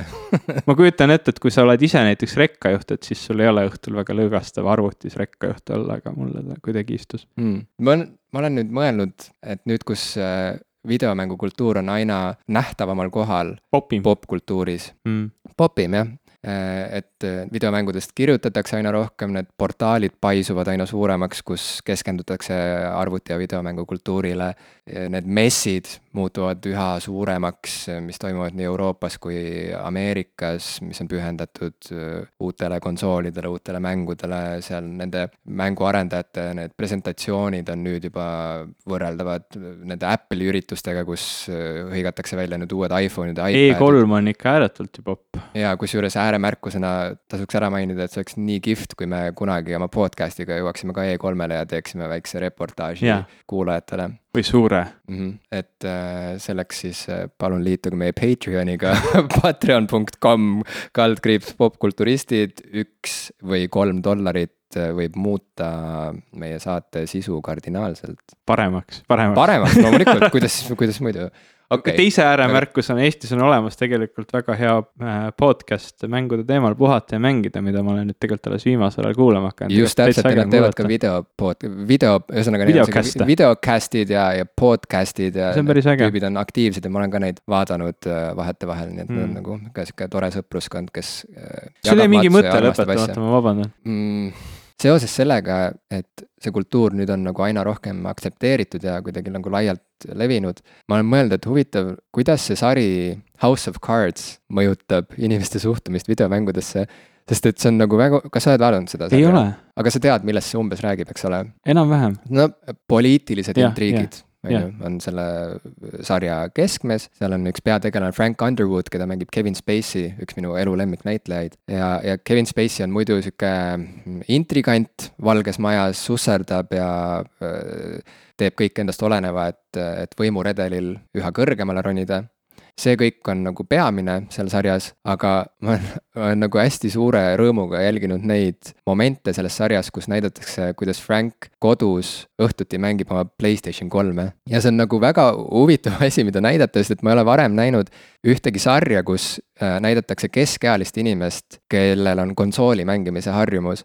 ja esimese hooaja pealt, ma olen ainult esimest hooaega vaadanud, ma ei ole veel nagu aru saanud, et mida sellega, mida need sarja tegijad sellega nagu öelda tahavad selle karakteri kohta, et ta vahel seal istub ja neid sõjamänge mängib, on ju. et ma, ma ei ole, sest see ei ole olnud nagu mingi nii tugev nagu, need ei ole olnud nii märgilised hetked kuidagi, et ta nüüd nagu, ma ei tea, et, et nagu, et näidataks näiteks, et ta ääretult naudib näiteks, ma ei tea, kellegi piinamist seal või midagi mingis GTA mängus näiteks, et siis kuidagi sellega tuua välja tema peidetud jõhkrus või midagi sellist, on ju. ei, et noh, et ta, ta on väga jõhker tegelane, aga need videomängu hetked on kuidagi rohkem nagu niisama. lihtsalt, et näidatakse, et mida ta kodus teeb, vahel ta teeb mm -hmm. trenni, vahel mängib videomänge. ma olen mõelnud, et huvitav, kas nagu siuksed väiksed asjad ka nagu muudavad vaikselt kultuuris seda, et mida, mida peetakse nagu harilikuks aja veetmise viisiks ja, ja mida mitte. mulle tundub, et selline sari nagu House of Cards, mis on ju meeletult populaarne mm.. ja tegelikult see teema nagu on hoopis sihuke tõsine ja, ja just sobib neile inimestele, kes võib-olla mõtlevad, et, et videomängud on noh. mitte nii mõistlik aja veetmine. jaa, just täpselt. huvitav, mida need stsenaristid mõtlesid, kui nad panid, kui nad andsid Frank Underwoodile Playstation kolme. Nad mängisid. kas ta hilist-, hilisemates hooaegades saab ka PS4 endale. Nad mängisid arvutimänge ja unustasid midagi tõsisemat välja mõelda ja siis panid ruttu midagi sisse. ja, ja võib-olla see on märk sellest, et meie põlvkonna inimesed on jõudnud nüüd nagu noh, ka stsenaristika maailmas äh, nii-öelda tippu, et nemad on need, kes loovad ja. seda uut sisu, mida kogu no, maailm vaadata tahab. tehnikaajakirjanike jälgides ei ole küll mingi ime, et äh, keskealised äh, inimesed mängivad arvutimänge, aga noh, see on väga sihuke välja valitud grupp, vaata. me oleme jube pikalt jahunud videomängudest, ütle, ütle, mis on sinu elus võib-olla kõige tähtsamad arvuti või teleka või videomängud olnud, mis, mis on need, mis on sulle kõige, kõige suurema mulje jätnud? ma mõtlesin sinult seda küsida. Kuigi... aga ma ei vasta, ma vastan ka, aga vasta sina esimesena. ei, aga väga hea, et sa küsisid selle küsimuse ära, et see, sest see on hästi raske küsimus, ma mõtlesin mm. seda sinult küsida isegi niimoodi. et, et mis oleks see üks ja ainus mäng, et mm. vaata, kui me kõige esimeses osas me rääkisime sellest, et nagu millise bändi muusika sa saadaksid kohvriga kosmosesse yeah., kui planeet Maa lastakse õhku ja sul on võimalus nagu päästa üks kultuuriline artefakt mingisuguse heliteose näol või mingi bändi näol, et mis bänd see oleks, ma ütlesin, et mina saadaksin Radioheadi loomingu kohvriga kosmosesse. mina vist tahtsin Zapat saada. ja sina saadad äh, Zapa. nüüd, kui me mõtleme jälle, et saadame kohvri kosmosesse, on ju, seal sees on üks videomäng või arvutimäng mm, -hmm. mida sa tahad, et, et mis, mis jääks nagu alles sellest tsivilisatsioonist või sellest elust siin maa peal, mis see oleks? see on noh, muidugi jälle võimatu küsimus, on ju, see on võimatu nii, küsimus. nii palju erinevaid vastuseid tahaks. aga ma arvan, et mu vastus on super nagu lihtsakoeline tegelikult tegelikult ja etteaimatav, aga ma paneksingi sinna kohvri sisse Nintendo NES konsooli kõige esimese Super Mario mänguga. see on nii ikooniline asi ja mõnes mõttes. see Super Mario Brothers, kus sa mängid yeah., eks ole, nüüd noh, liigud ringi mööda yeah. platvorm.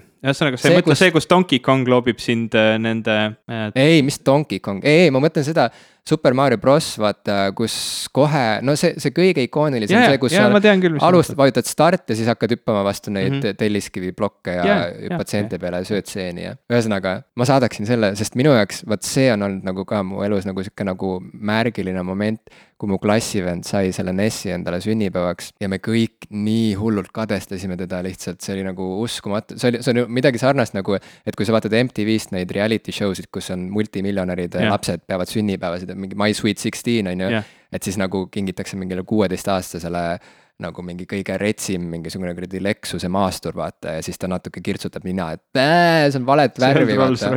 No, või Rolls-Royce. kes see kuueteist, okei, midagi. no mis iganes, aga noh, et, et nagu meie äh, mõistes see oli midagi sarnast, on ju, et, et täitsa lõpp nagu, et sa said mm -hmm. selle mhm. kõige kõvema asja. ja, ja ta ise teadis, kui kõva king see on, on ju, ja siis ta nagu koolis hakkas pihta põhimõtteliselt nagu mingi Eesti otsib superstaari nagu konkurss, et kes võib tulla ta sünnipäevale, vaata. Mm -hmm. ja siis pidi mingi kadalippe seal läbima ja siis mina näiteks äh, soostusin äh, laskma kõik oma paugukad õhku kooli õue peal nagu korraga. kui sa saad minna. ja no ta ütleski nagu, kui sa tahad tulla mu sünnipäevale ja kui sa tahad nagu on ju. palju sul pa paugukaid oli siis seal kaasas? mul oli nagu seljakotis oli värske laadung paugukaid. miks sul oli lõhkaineid koolis kaasas? Come on, kellel ei olnud sel ajal ma ei elanud Põhja-Tallinnas Need olid üheksakümnendad Põhja-Tallinnas, oli midagi hoopis muud. Represent Läksin äh, kooli hoovi peale, lasin kõik korraga õhku ja olin mm -hmm. kutsutute seas. aga ma ei mäleta, üks klassivend vist isegi nagu lõi ühte klassiõde jalaga nagu umbes, et saada nagu, et saada õigust nagu mingi esimesena mängida, no ma ei tea, ühesõnaga, et äh, aga igal juhul see hetk, kui see mäng pea, nagu käima pandi seal, nagu see nagu Esimesed Super. Mario siin ekraanile ilmus ja, ja see kõik pihta hakkas ja tuli see, see ikooniline muusika, on ju. Mhm. isegi meie popkulturistide Jah, äh, saatekõlli lõpus on see Super Mario, see mündi saamise kõll, on ju. ühesõnaga, see on selline mäng, mida teavad noh, kõik inimesed, isegi need inimesed, kes ei tea mängudest on või et äh, ja, ja noh, see on nagu natukene, see on nagu ühe maailma algus, mingi maailma loomine nagu on see mäng. mis Jah. see sinu, mis, mida sina saadaksid kohvriga kosmosesse? kui ma mõtlen selle peale, mis mängu ma olen kõige rohkem oma elus mänginud või ütleme, kui mängu, kuhu ma kõige rohkem tunde olen matnud, siis on see ilmselt RuneScape, mis oli siis, kui mina põhikoolis olin, oli see küllaltki popp äh,.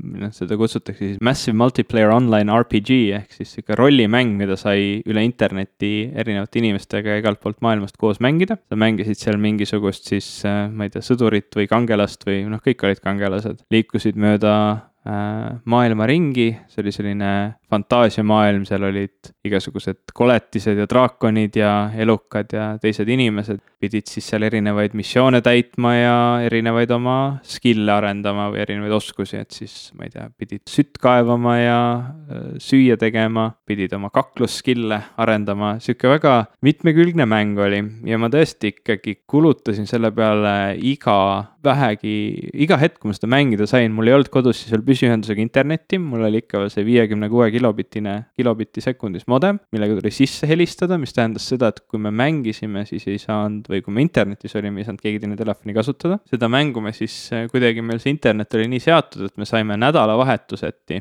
kasutada internetti nii palju, kui me tahtsime, aga nädala sees siis see oli nagu see lisamaks, et iga minuti eest siis maksid seda internetti. meil oli kuidagi selline leping tehtud ja, ja sai siis äh, nädalavahetusel me ootasime kakskümmend kolm, viiskümmend üheksa, kui keeras üle null, null, null, nulli peale reede õhtul, siis me kohe hüppasime internetti ja vend mul ka mängis siis seda ja, ja hakkasime nii palju, kui me siis üksteist sealt eest ära saime, et siis kes mängis mis ajal kuidagi graafikud olid paika pandud ja loomulikult siis pärast kooli ka arvutiklassi kohe seda mängima. mul oli palju sõpru, kes seda mängisid nii oma klassis kui ka igal pool mujal. meil olid oma klannid, Eestis oli Estonian White Knights klann oli see, kuhu ma kuulasin. naitslikult.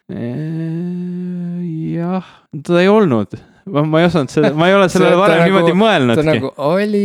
ei, ma lihtsalt mõtlen, et ma ei ole kunagi, kunagi selle peale tulnud, et seda võiks niimoodi tõlgendada, aga jah, sul on õigus, see kõlab tõesti niimoodi, aga, aga meie nagu põhiline eesmärk oli kaevata võimalikult palju sütt, et siis meie sepp Lõvi saaks siis äh, teha või noh, oma sepa äh, oskusi arendada, et ta sai siis toota erinevaid äh, asju, mis meil vaja oli. ja teine asi, mida meil kogu aeg vaja oli, oli siis püüda homaari, mille eest siis sai, mida me siis ka nagu müüsime oma klannile, et siis, et siis saada raha ja, ja olla kasulikud oma klannile. selle kõigega nagu käis veel kaasas pidev IRC jutukates istumine, siis ka klanni jutukates. ma sain üle Eesti igasuguseid nii-öelda noh, sõpru jutumärkides või, või tuttavaid ja isegi üle maailma, nii et mäletan, kui mult küsiti kirjanduse tunnis, räägiti kirjasõpradest põhikoolis. küsiti, et ah, et kus teilt kõige kaugem kirjasõber oli ja ma olin oma arust naljakas, et mul oli seal mängus üks tüüp vist äh, Lõuna-Koreast, kellega ma mängisin. ma ütlesin, mul on Lõuna-Koreast, et me mängime koos mingit mängu, et ma tundsin ennast kuidagi nii lahedana mm. -hmm. Äh, ma ei tea, kui, kui paljud teised arvasid, et ma olen lahe, aga, aga see oli noh, nagu selline väga huvitav kogemus, sest see oli tõesti üks esimesi selliseid mänge, kus seda sai teha ja, ja ma tõesti mitu aastat tegelikult mängisin seda ja isegi nüüd hiljuti mõne kuu eest ma veel korra niimoodi proovisin ja uurisin, et kuhu see mäng on jõudnud, mitte midagi ei saanud enam aru. see ongi nii lahe sind kuulates ja. praegu, see paralleel, mis tekib, on äh, see nagu, et kunagi inimesed käisid koos jahil või kalal või ütleme, võtame veel nagu äärmuslikuma näite. Inimesed, kes on koos sõjas käinud mm, -hmm. vaata neid seob elu lõpuni mingisugune kogemus, mida nad ei saagi mitte kellelegi nagu äh, lahti seletada, nad yeah. ei saa, et sa kas olid seal või ei olnud ja need, kes olid seal koos, neil on see side eluks ajaks, see, see kogemus, see trauma, kõik see. nüüd minu arust nagu see arvutimängu kultuur, see elu, see sotsiaalne aspekt sealjuures on sama oluline kui see mäng ise, kui Kindlasti, mitte olulisemgi ja. kohati ja praegu mulle tundubki, et, et vaata, see ongi nagu mõnes mõttes nagu sihuke normaalne ja tervislik viis äh, kogeda mingit sellist nagu ühist seiklust või ilma, et sa peaksid päriselt laskma seal mingeid nagu inimesi tükkideks või valama neid napalmiga üle, on ju. päris draakonid on nii raske leida. jah, et ähm, et see on nagu sihuke tervislik viis jah, elada läbi mingit sellist nagu jah, sellist nagu seiklust, sihukest quest'i. ja see on ju nii vägev asi, kui sa sellest räägid praegu niimoodi, nagu see oleks päriselt juhtunud no, praktiliselt, on ju. ja noh, ongi päriselt juhtunud, et äh, noh, mitte selles mõttes, et see päriselt oleks mõne draakoni maha löönud, aga, aga noh, arvestame praegu konteksti, eks ole mm. -hmm. et vot see ongi nagu kihvt ja mulle tundub, et see ongi see asi, mida inimesed nagu ei oska väärtustada või, või ei näe nagu mängude sellise kõrvalkvaliteedina või kõrvalvoorusena või väärtusena, et mis sinna juurde kõik käib, see, mida nad pealt, pealtnäha nagu kuidagi halvustavad või, või, või, või mille peale nagu nina kirtsutavad, ongi just see, see, kui passiivne see kõik mm -hmm. välja näeb. Nad on mures, et issand, sa ei käi üldse väljas, sa istud siin pimedas toas, sa isegi ei söö enam. oled küürus siin selle arvuti taga. süüa ikka võiks. muidugi saab minna liiale selle kõigega, aga mm -hmm. samas kõigega saab minna liiale yeah et ka no, trennis käimisega no ja noh, kuuled siin tänapäeval, kuidas lapsed pannakse kümnetesse huviringidesse ja siis ei jää üldse aega. et noh, ükskõik mida sa ei tee nagu niimoodi nagu liiga palju, on ju, et, et kõik asjad, mida sa teed liiga palju, lõpuks nagu tapavad su, isegi kui ja. sa nagu ainult magad, on ju, siis tõenäoliselt sul lihtsalt ja. keha annab alla ühel hetkel, on ju. kuigi magamine peaks olema nagu kosutav ja energiat andev tegevus. ühesõnaga jaa, see on noh, see on lihtsalt nagu tore tore oli kuulda sinu nagu jahis. olgem ausad, nii lapsevanemad kui ka kooliõpilased, kooli kõrvalt on aega mängida küll. no just täpselt no, ja nii. kui ei ole aega mängida, siis, siis tuleb meenutada Jokeri küsimust Why so serious? Ja nüüd lõpuks üks kirss siis tordi otsa või kuidas sa alguses ütlesid? ma nii ütlesingi jah. jah, väga hea. kuigi see on ka ohtlik asi, mida lubada, sest et vaata, meie kuulajate seas võib olla ka inimesi, kellele ei maitse kirsid. võib-olla nad eelistavad mureleid, ma oleks pidanud ütlema, et murel tordi otsas või võib-olla neile ei meeldi tordid ka, nii et see on üldse sihuke keeruline. kirsihooaeg on nagu lõppemas ka kuidagi või mm -hmm.? õun, õun tordile, õun kisselli. ütleme, äh, ütleme, et üks asi, mis teile maitseb ühe teise asja otsas, mis teile ka maitseb, on nüüd see viimane saatelõik. väga teaduslik sinust. katsume haarata, katsume haarata võimalikult suurt kuulajaskonda. kui me rääkisime, et mis mängu sa saadaksid kosmosesse, kui see oleks nagu ainus asi, mis säilib maisest elust lõpuks, siis kui nüüd mõelda selle väärika kultuuri osa peale, kirjanduse peale mm, -hmm. mis oleks see üks raamat, mille sa mitte ei saadaks kosmosesse mm, -hmm. vahet ei ole, need tulnukad, neil on muudki tegevust, kui me saadame sinna juba selle RuneScape ja, ja selle NES-i Super Marioga yeah,, siis nad ei tahagi lugeda raamatuid küll jah, mis seal enam.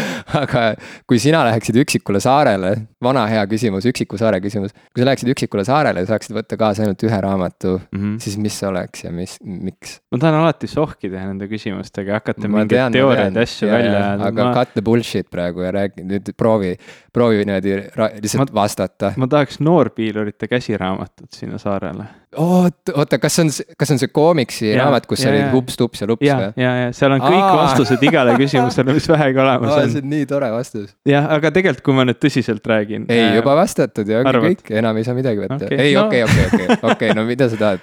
Äh, see on nagu selline küsimus, et ma, ma ei kujuta ette, milleks mul seda raamatut seal vaja on, sest ma mõtlen, et kas ma peaks midagi ja, väga paksu ja. võtma, et nagu oleks võimalikult pikalt lugeda okay.. või ma peaks võimalikult midagi kasulikku võtma, et mis mm. mind nii-öelda hädast välja aitaks või ma peaks võtma midagi, mida ma olen alati tahtnud lugeda, aga mis on nii raske lugeda, et, et ma pole siiamaani seda nagu. probleem on selles küsimuse, see, see küsimus kuidagi lubab liiga palju, mulle tundub, on ju, et, et ta nagu lubabki sihukest nagu keerutamist ka, et oota, aga mis mind seal ees ootab ja nagu mis ilm seal on, sa hakkad nagu rääkima mingist nagu muust asjast aga tegelikult sa ju saad aru, mida selle küsimusega yeah. mõeldakse, see ongi sihuke, et tulista otse, see on jälle sihuke võimatu küsimus, on ju. aga, aga see tahan... tegelikult, kui ma seda küsin, ma tahangi kuulda seda, et mis on su esimene reaktsioon nagu, mis on see esimene asi, mis sulle pähe tuleb. et seda ongi huvitav nagu jälgida või analüüsida, et miks just see ma tahan midagi, mis mind inspireeriks äh, sellel hetkel, sellepärast et ma tunnen, et ilmselt. ei, aga sa pead mainima mingit konkreetset raamatut. ma ütlen, ma ütlengi selle raamatu see lõpp ära, aga ma, ma jõuan okay. selleni. ma tahan midagi, mis mind inspireeriks, mis mind selles nii-öelda raskes olukorras mitte otseselt nagu ei aitaks, et ta õpetab mulle nüüd lõket tegema, vaid et ta õpetab mind seda konteksti, milles ma olen, vaatama kuidagi teise huvitava pilguga.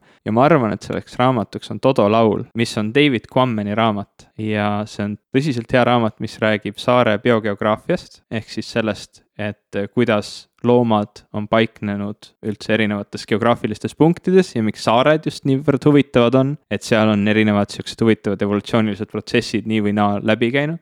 ja seal on väga huvitav lugu ka Darwini retkedest ja, ja veel huvitavam lugu äh, Alfred Russel Wallace'i retkedest, kes on siis kaks kõige võib-olla tuntumat loodusteadlast, kes mõlemad on siis evolutsiooniteooria äh, just selle loodusliku valiku osa autorid. ehk siis Darwin tuli selle peale küll varem, aga ta ei olnud seda publitseerinud äh, ta töötas aastaid seda teooriat välja, otsis rohkem tõendeid, kinnitas oma, oma arvamusi ja Alfred Russel Wallace, kes siis oma nii-öelda siis džunglis oma tööd tehes äh, siis selle, selle teooria otsa tuli, et nad publitseerisid selle siis lõpuks koos, see on hästi huvitav ja pikk lugu, millele ma praegu ei hakka palju aega kulutama, aga see sa raamat. saad seda jutustada inimestele, kui nad tulevad sinuga jalutama. jah, aga see raamat äh, on just selline, et, et ta nagu inspireeriks mind seal saarel mõtlema sellele loodusele, mis mu ümber on. see paneks mind mõtlema nendele vanadele uurijatele, kes mitusada aastat tagasi pidid rändama läbi täiesti võimatute džunglitingimuste tingimuste olukorras, kus neil ei olnud sellist ravivõimalusi ja asju, nagu tänapäeval on. ja nad ikka jäid ellu läbi, ma ei tea, mitmete laevaõnnetuste ja mitmete tõsiste troopikahaiguste ja, ja ma ei tea, kohalike, kes armastasid äh, välismaalasi maha lüüa ja noh, mis iganes, et, et see nagu, ma arvan, et see raamat et kuigi noh, oleks võinud siis võtta võib-olla Alfred Russel Wallace'i enda kirjutatud Malai saarestiku raamatu või siis Darwini mõne mitme teose seast, aga ma arvan, et see võtab nagu kõik selle asja kokku. aga tead, mis on kummaline, mulle tundub, et sa praegu, vaata, sinu esimene impulss oli öelda, et ma võtaksin kaasa selle Hupsi, Tupsi ja Lupsi raamatu aga siis sa taipasid, et sa oled ikkagi täiskasvanud ja haritud ja väärikas inimene ja siis sa. ma tahtsin lihtsalt rääkida sellest raamatust. siis sa tõid välja siukse nagu, siukse nagu, mis ma siis ütlen, nagu sofistik-, sofistikeerituma nagu vastuse. aga tegelikult ma ei ole Todo laulu lugenud, aga mulle tundub, et olemuslikult tegelikult see on üks ja sama vastus, sest et tegelikult see, mis see oli, leiutajate käsiraamat või? Hups-tups ja lups, mis, mis seal. noorpiilurite käsiraamat. noorpiilurite käsiraamat mm. -hmm. tegelikult, mis see oma olemuselt ju oli, see oligi selline tark raamat lastele mm. -hmm. sellest, mismoodi maailm üldse toimib ja kuidas mm -hmm. selles ellu jääda. noh no, ühesõnaga sihuke nagu uudishimulik äh, ja nagu seiklusjanuliste ja selliste laste raamat, kes, kes armastavad avastada yeah. maailma, kuidas asjad töötavad, kuidas loodus toimib ja kuidas seal nagu ise sekkuda ja, mm -hmm. ja mhm. kuidas seda kõike nagu manipuleerida. see Todo laul mulle tundub, et ongi selline nagu äh, täiskasvanulikum versioon põhimõtteliselt samast asjast, et et see raamat räägib sellest, et mismoodi, mis seaduspärad on looduses, miks mingid asjad on nii, nagu on ja, ja kuidas need liigid omavahel siis nagu suhestuvad, suhtlevad. ühesõnaga, see on sama, samamoodi asi, mis uurib seda, kuidas maailm toimib, kuidas loodus toimib, on ju nii? on küll nii. nii et tegelikult su vastus oligi üks vastus, nagu kuigi see tundub nagu kaks erinevat vastust. väga intelligentne sinust. aitäh sulle aga minu valik üksikule saarele kaasavõtmiseks ma ei teadnud, ähm, mis see olla võiks, äh, aga mul hiljuti käis sõber külas, ta seisis mu raamaturiiuli ees, vaatas, et mul on seal igasuguseid raamatuid ja siis küsis mult selle küsimuse mm. -hmm. ammu ei olnud keegi mult midagi sellist küsinud, see on tavaliselt sihuke klassiõhtu küsimus. kooli teema. aga, aga ta küsis, et, et siit sinu raamaturiiulist nagu, kui sa peaksid siit midagi kaasa võtma, mida sa võtaksid? ja ma täitsa üllatusin, kui ma vastasin talle, et ma võtaksin kaasa Douglas Adamsi kogutud teosed noh ah,, yeah. tead küll, see suur väljaanne, suur, suureformaatiline yeah., kus on kõik need Hitchhiker's Guide to the Galaxy yeah. Äh,. Triloogia viis osa. ja, ja mingid lisad ka veel mm. -hmm. see ei ole mingi mugav raamat, mida käes hoida ta on liiga suur. aga, aga. ma tean, mul on see olemas jaa, ma tean, et see on sul olemas. aga tead, ma olin nagu üllatunud sellepärast, et äh, jah, sellepärast, et ma ei teadnud, et ma niimoodi vastaks, ma võib-olla ka arvasin, et ma ütleksin midagi väärikamat nagu Mhm. vastuseks ja ma ei tea, miks see nii on, jällegi see on eraldi teema, et miks ma arvan, et Douglas Adamsi lugemine ei ole nii väärikas, kui ütleme, ma ei tea, Nietzsche lugemine näiteks on ju. jällegi ma Aga- vaidleks vastu. aga jah, ei väga hea, väga hea. aga kui ma nagu mõtlesin selle peale, et miks ma nii vastasin, sest et nii nagu Super Mario ei ole mu lemmikmäng maailmas mm. -hmm. tegelikult, nii ei ole ka Douglas Adams mu lemmik mm. -hmm. kirjanik maailmas või need raamatud. aga midagi nagu nendes, nende olemuses, nii nagu Super Mario on nagu minu jaoks nagu olemuslikult kuidagi mõnes mõttes nagu videomängukultuuri nagu sihuke alguspunkt või noh, mõnes mõttes see on see, kus nagu käis see suur pauk ära. enne mm. -hmm. seda oli sihuke suur nagu ainete kogunemine või midagi sellist Mm -hmm. et, et siis, et siis Douglas Adamsi puhul see, mida ta öö, oma tekstides teeb või see, mida ta oma lugudes teeb, on tegelikult see, et ta väljendab seda, kui kohutavalt absurdne on eksistents. Mm -hmm. ja ühel või teisel moel kõik kirjanikud räägivad sellest, on ju. mõned räägivad sellest tõsisemalt ja nagu keerulisemate sõnadega, mõned teevad seda naljaga pooleks. Adams teeb seda nagu korraga tõsiselt ja väga naljakalt ja sellega seoses mulle meenub, kuidas Vonnegut rääkis ühes oma elu eh, hilisemas intervjuus, kuidas tal on üks romaan, mida ta mitte kuidagi ei suuda lõpetada ja mis ilmselt jääbki tal pooleli, mis räägib stand-up koomikust maailma lõpus. ehk siis on midagi sellist, et noh, mu kujutluspilti tekkiski mingi sihuke nagu üksik stand-up koomik, kes on kuskil nagu pimedas kosmoses, lihtsalt mm. -hmm. midagi muud ei ole enam olemas, ta on üksi ja, ja ta on stand-up koomik Jah. sellele, sellele vaatamata. et kuidagi see pilt on minu arust ka seal Douglas Adamsi teostes sees, see absurdsus, mis tekib, kui sa paned vastamisi inimese kõigi tema lootuste ja unistuste ja kuidagi ettekujutustega maailmast ja siis selle universumi, mis on mm. -hmm. lihtsalt nagu nii seletamatu, kus mõnes mõttes ei ole nagu mitte mingit tolku ega kasu sellest, et inimesel üldse on mõtlemisvõime jah, ja mingid muud oskused. et, et, et see inimene on pandud justkui mingisse keskkonda, mis on ühest küljest tema vastu nagu ükskõikne justkui, Mhm. aga samas ka võib-olla ei ole ka, see kõik ongi nagu haaramatu, et, et äh, see on nagu mingisugune nagu olemuslik äh, kokkukuuluvus, kus tegelikult äh, jääb alati arusaamatuks, et miks need osad kokku kuuluvad või, või mis see kokkukuuluvus üldse on. ühesõnaga, et mulle lihtsalt nii väga meeldib see, kui humoorikalt Douglas Adams äh, seda kõike nagu välja toob. ja see on minu jaoks kuidagi nagu sihuke kõige põhilisem elutõde.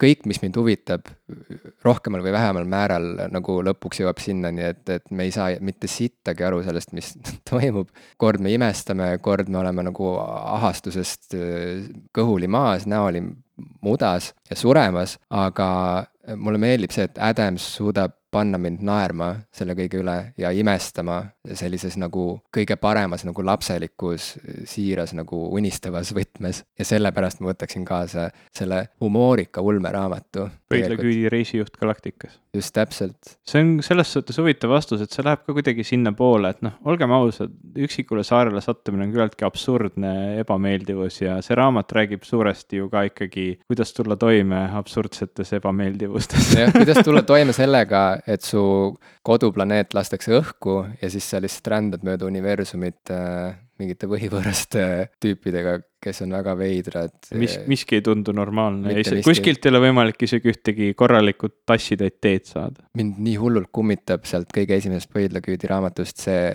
stseen, kus nad sõitsid äh, kosmoses sellise suu-, hiigelsuure kera sisse, mille mm Mhm. -hmm. sees, mis oli põhimõtteliselt planeetide valmistamise tehas mm. Mm -hmm. ja saad sa aru lihtsalt nagu lihtsalt ette kujutada seda suurust, seda mastaapi, et mingisugune kera, mingi kerakujuline tehas kuskil kaugel kosmoses, et ta on nii suur, et ta mahutab enda sees planeeti ja et seal mingid tüübid toimetavad, et ehitada planeete. vot mingid siuksed pildid, et Adams suudab nagu nii lihtsalt, nii, kuidagi nii lihtsate võtetega ja üldse kirjeldustega, mitte nagu väga kaugele minnes, manada sul silme ette nagu mingeid siukseid fantastilisi nagu pilte ja samas sellega käib kaasas mingi nagu nii tore lihtne kergus ja sihuke Jah. muhedus. mulle nii meeldib see koosmõs. universum on suur, sa ei kujuta ette ka, kui suur see on, sa arvad, et sul on poodi pikk tee, aga kuula, universum on see, on universumi kõrval mitte midagi. mulle meeldib see raamat, mul on nii palju tsitaate, mida võiks vehkima hakata, aga parem kirjutage meile popkulturistid.gmail.com. ja miks mitte kirjutage meile, mida teie võtaksite kaasa, mida te saadaksite kohvriga kosmosesse mida te võtaksite kaasa üksikelu saarele.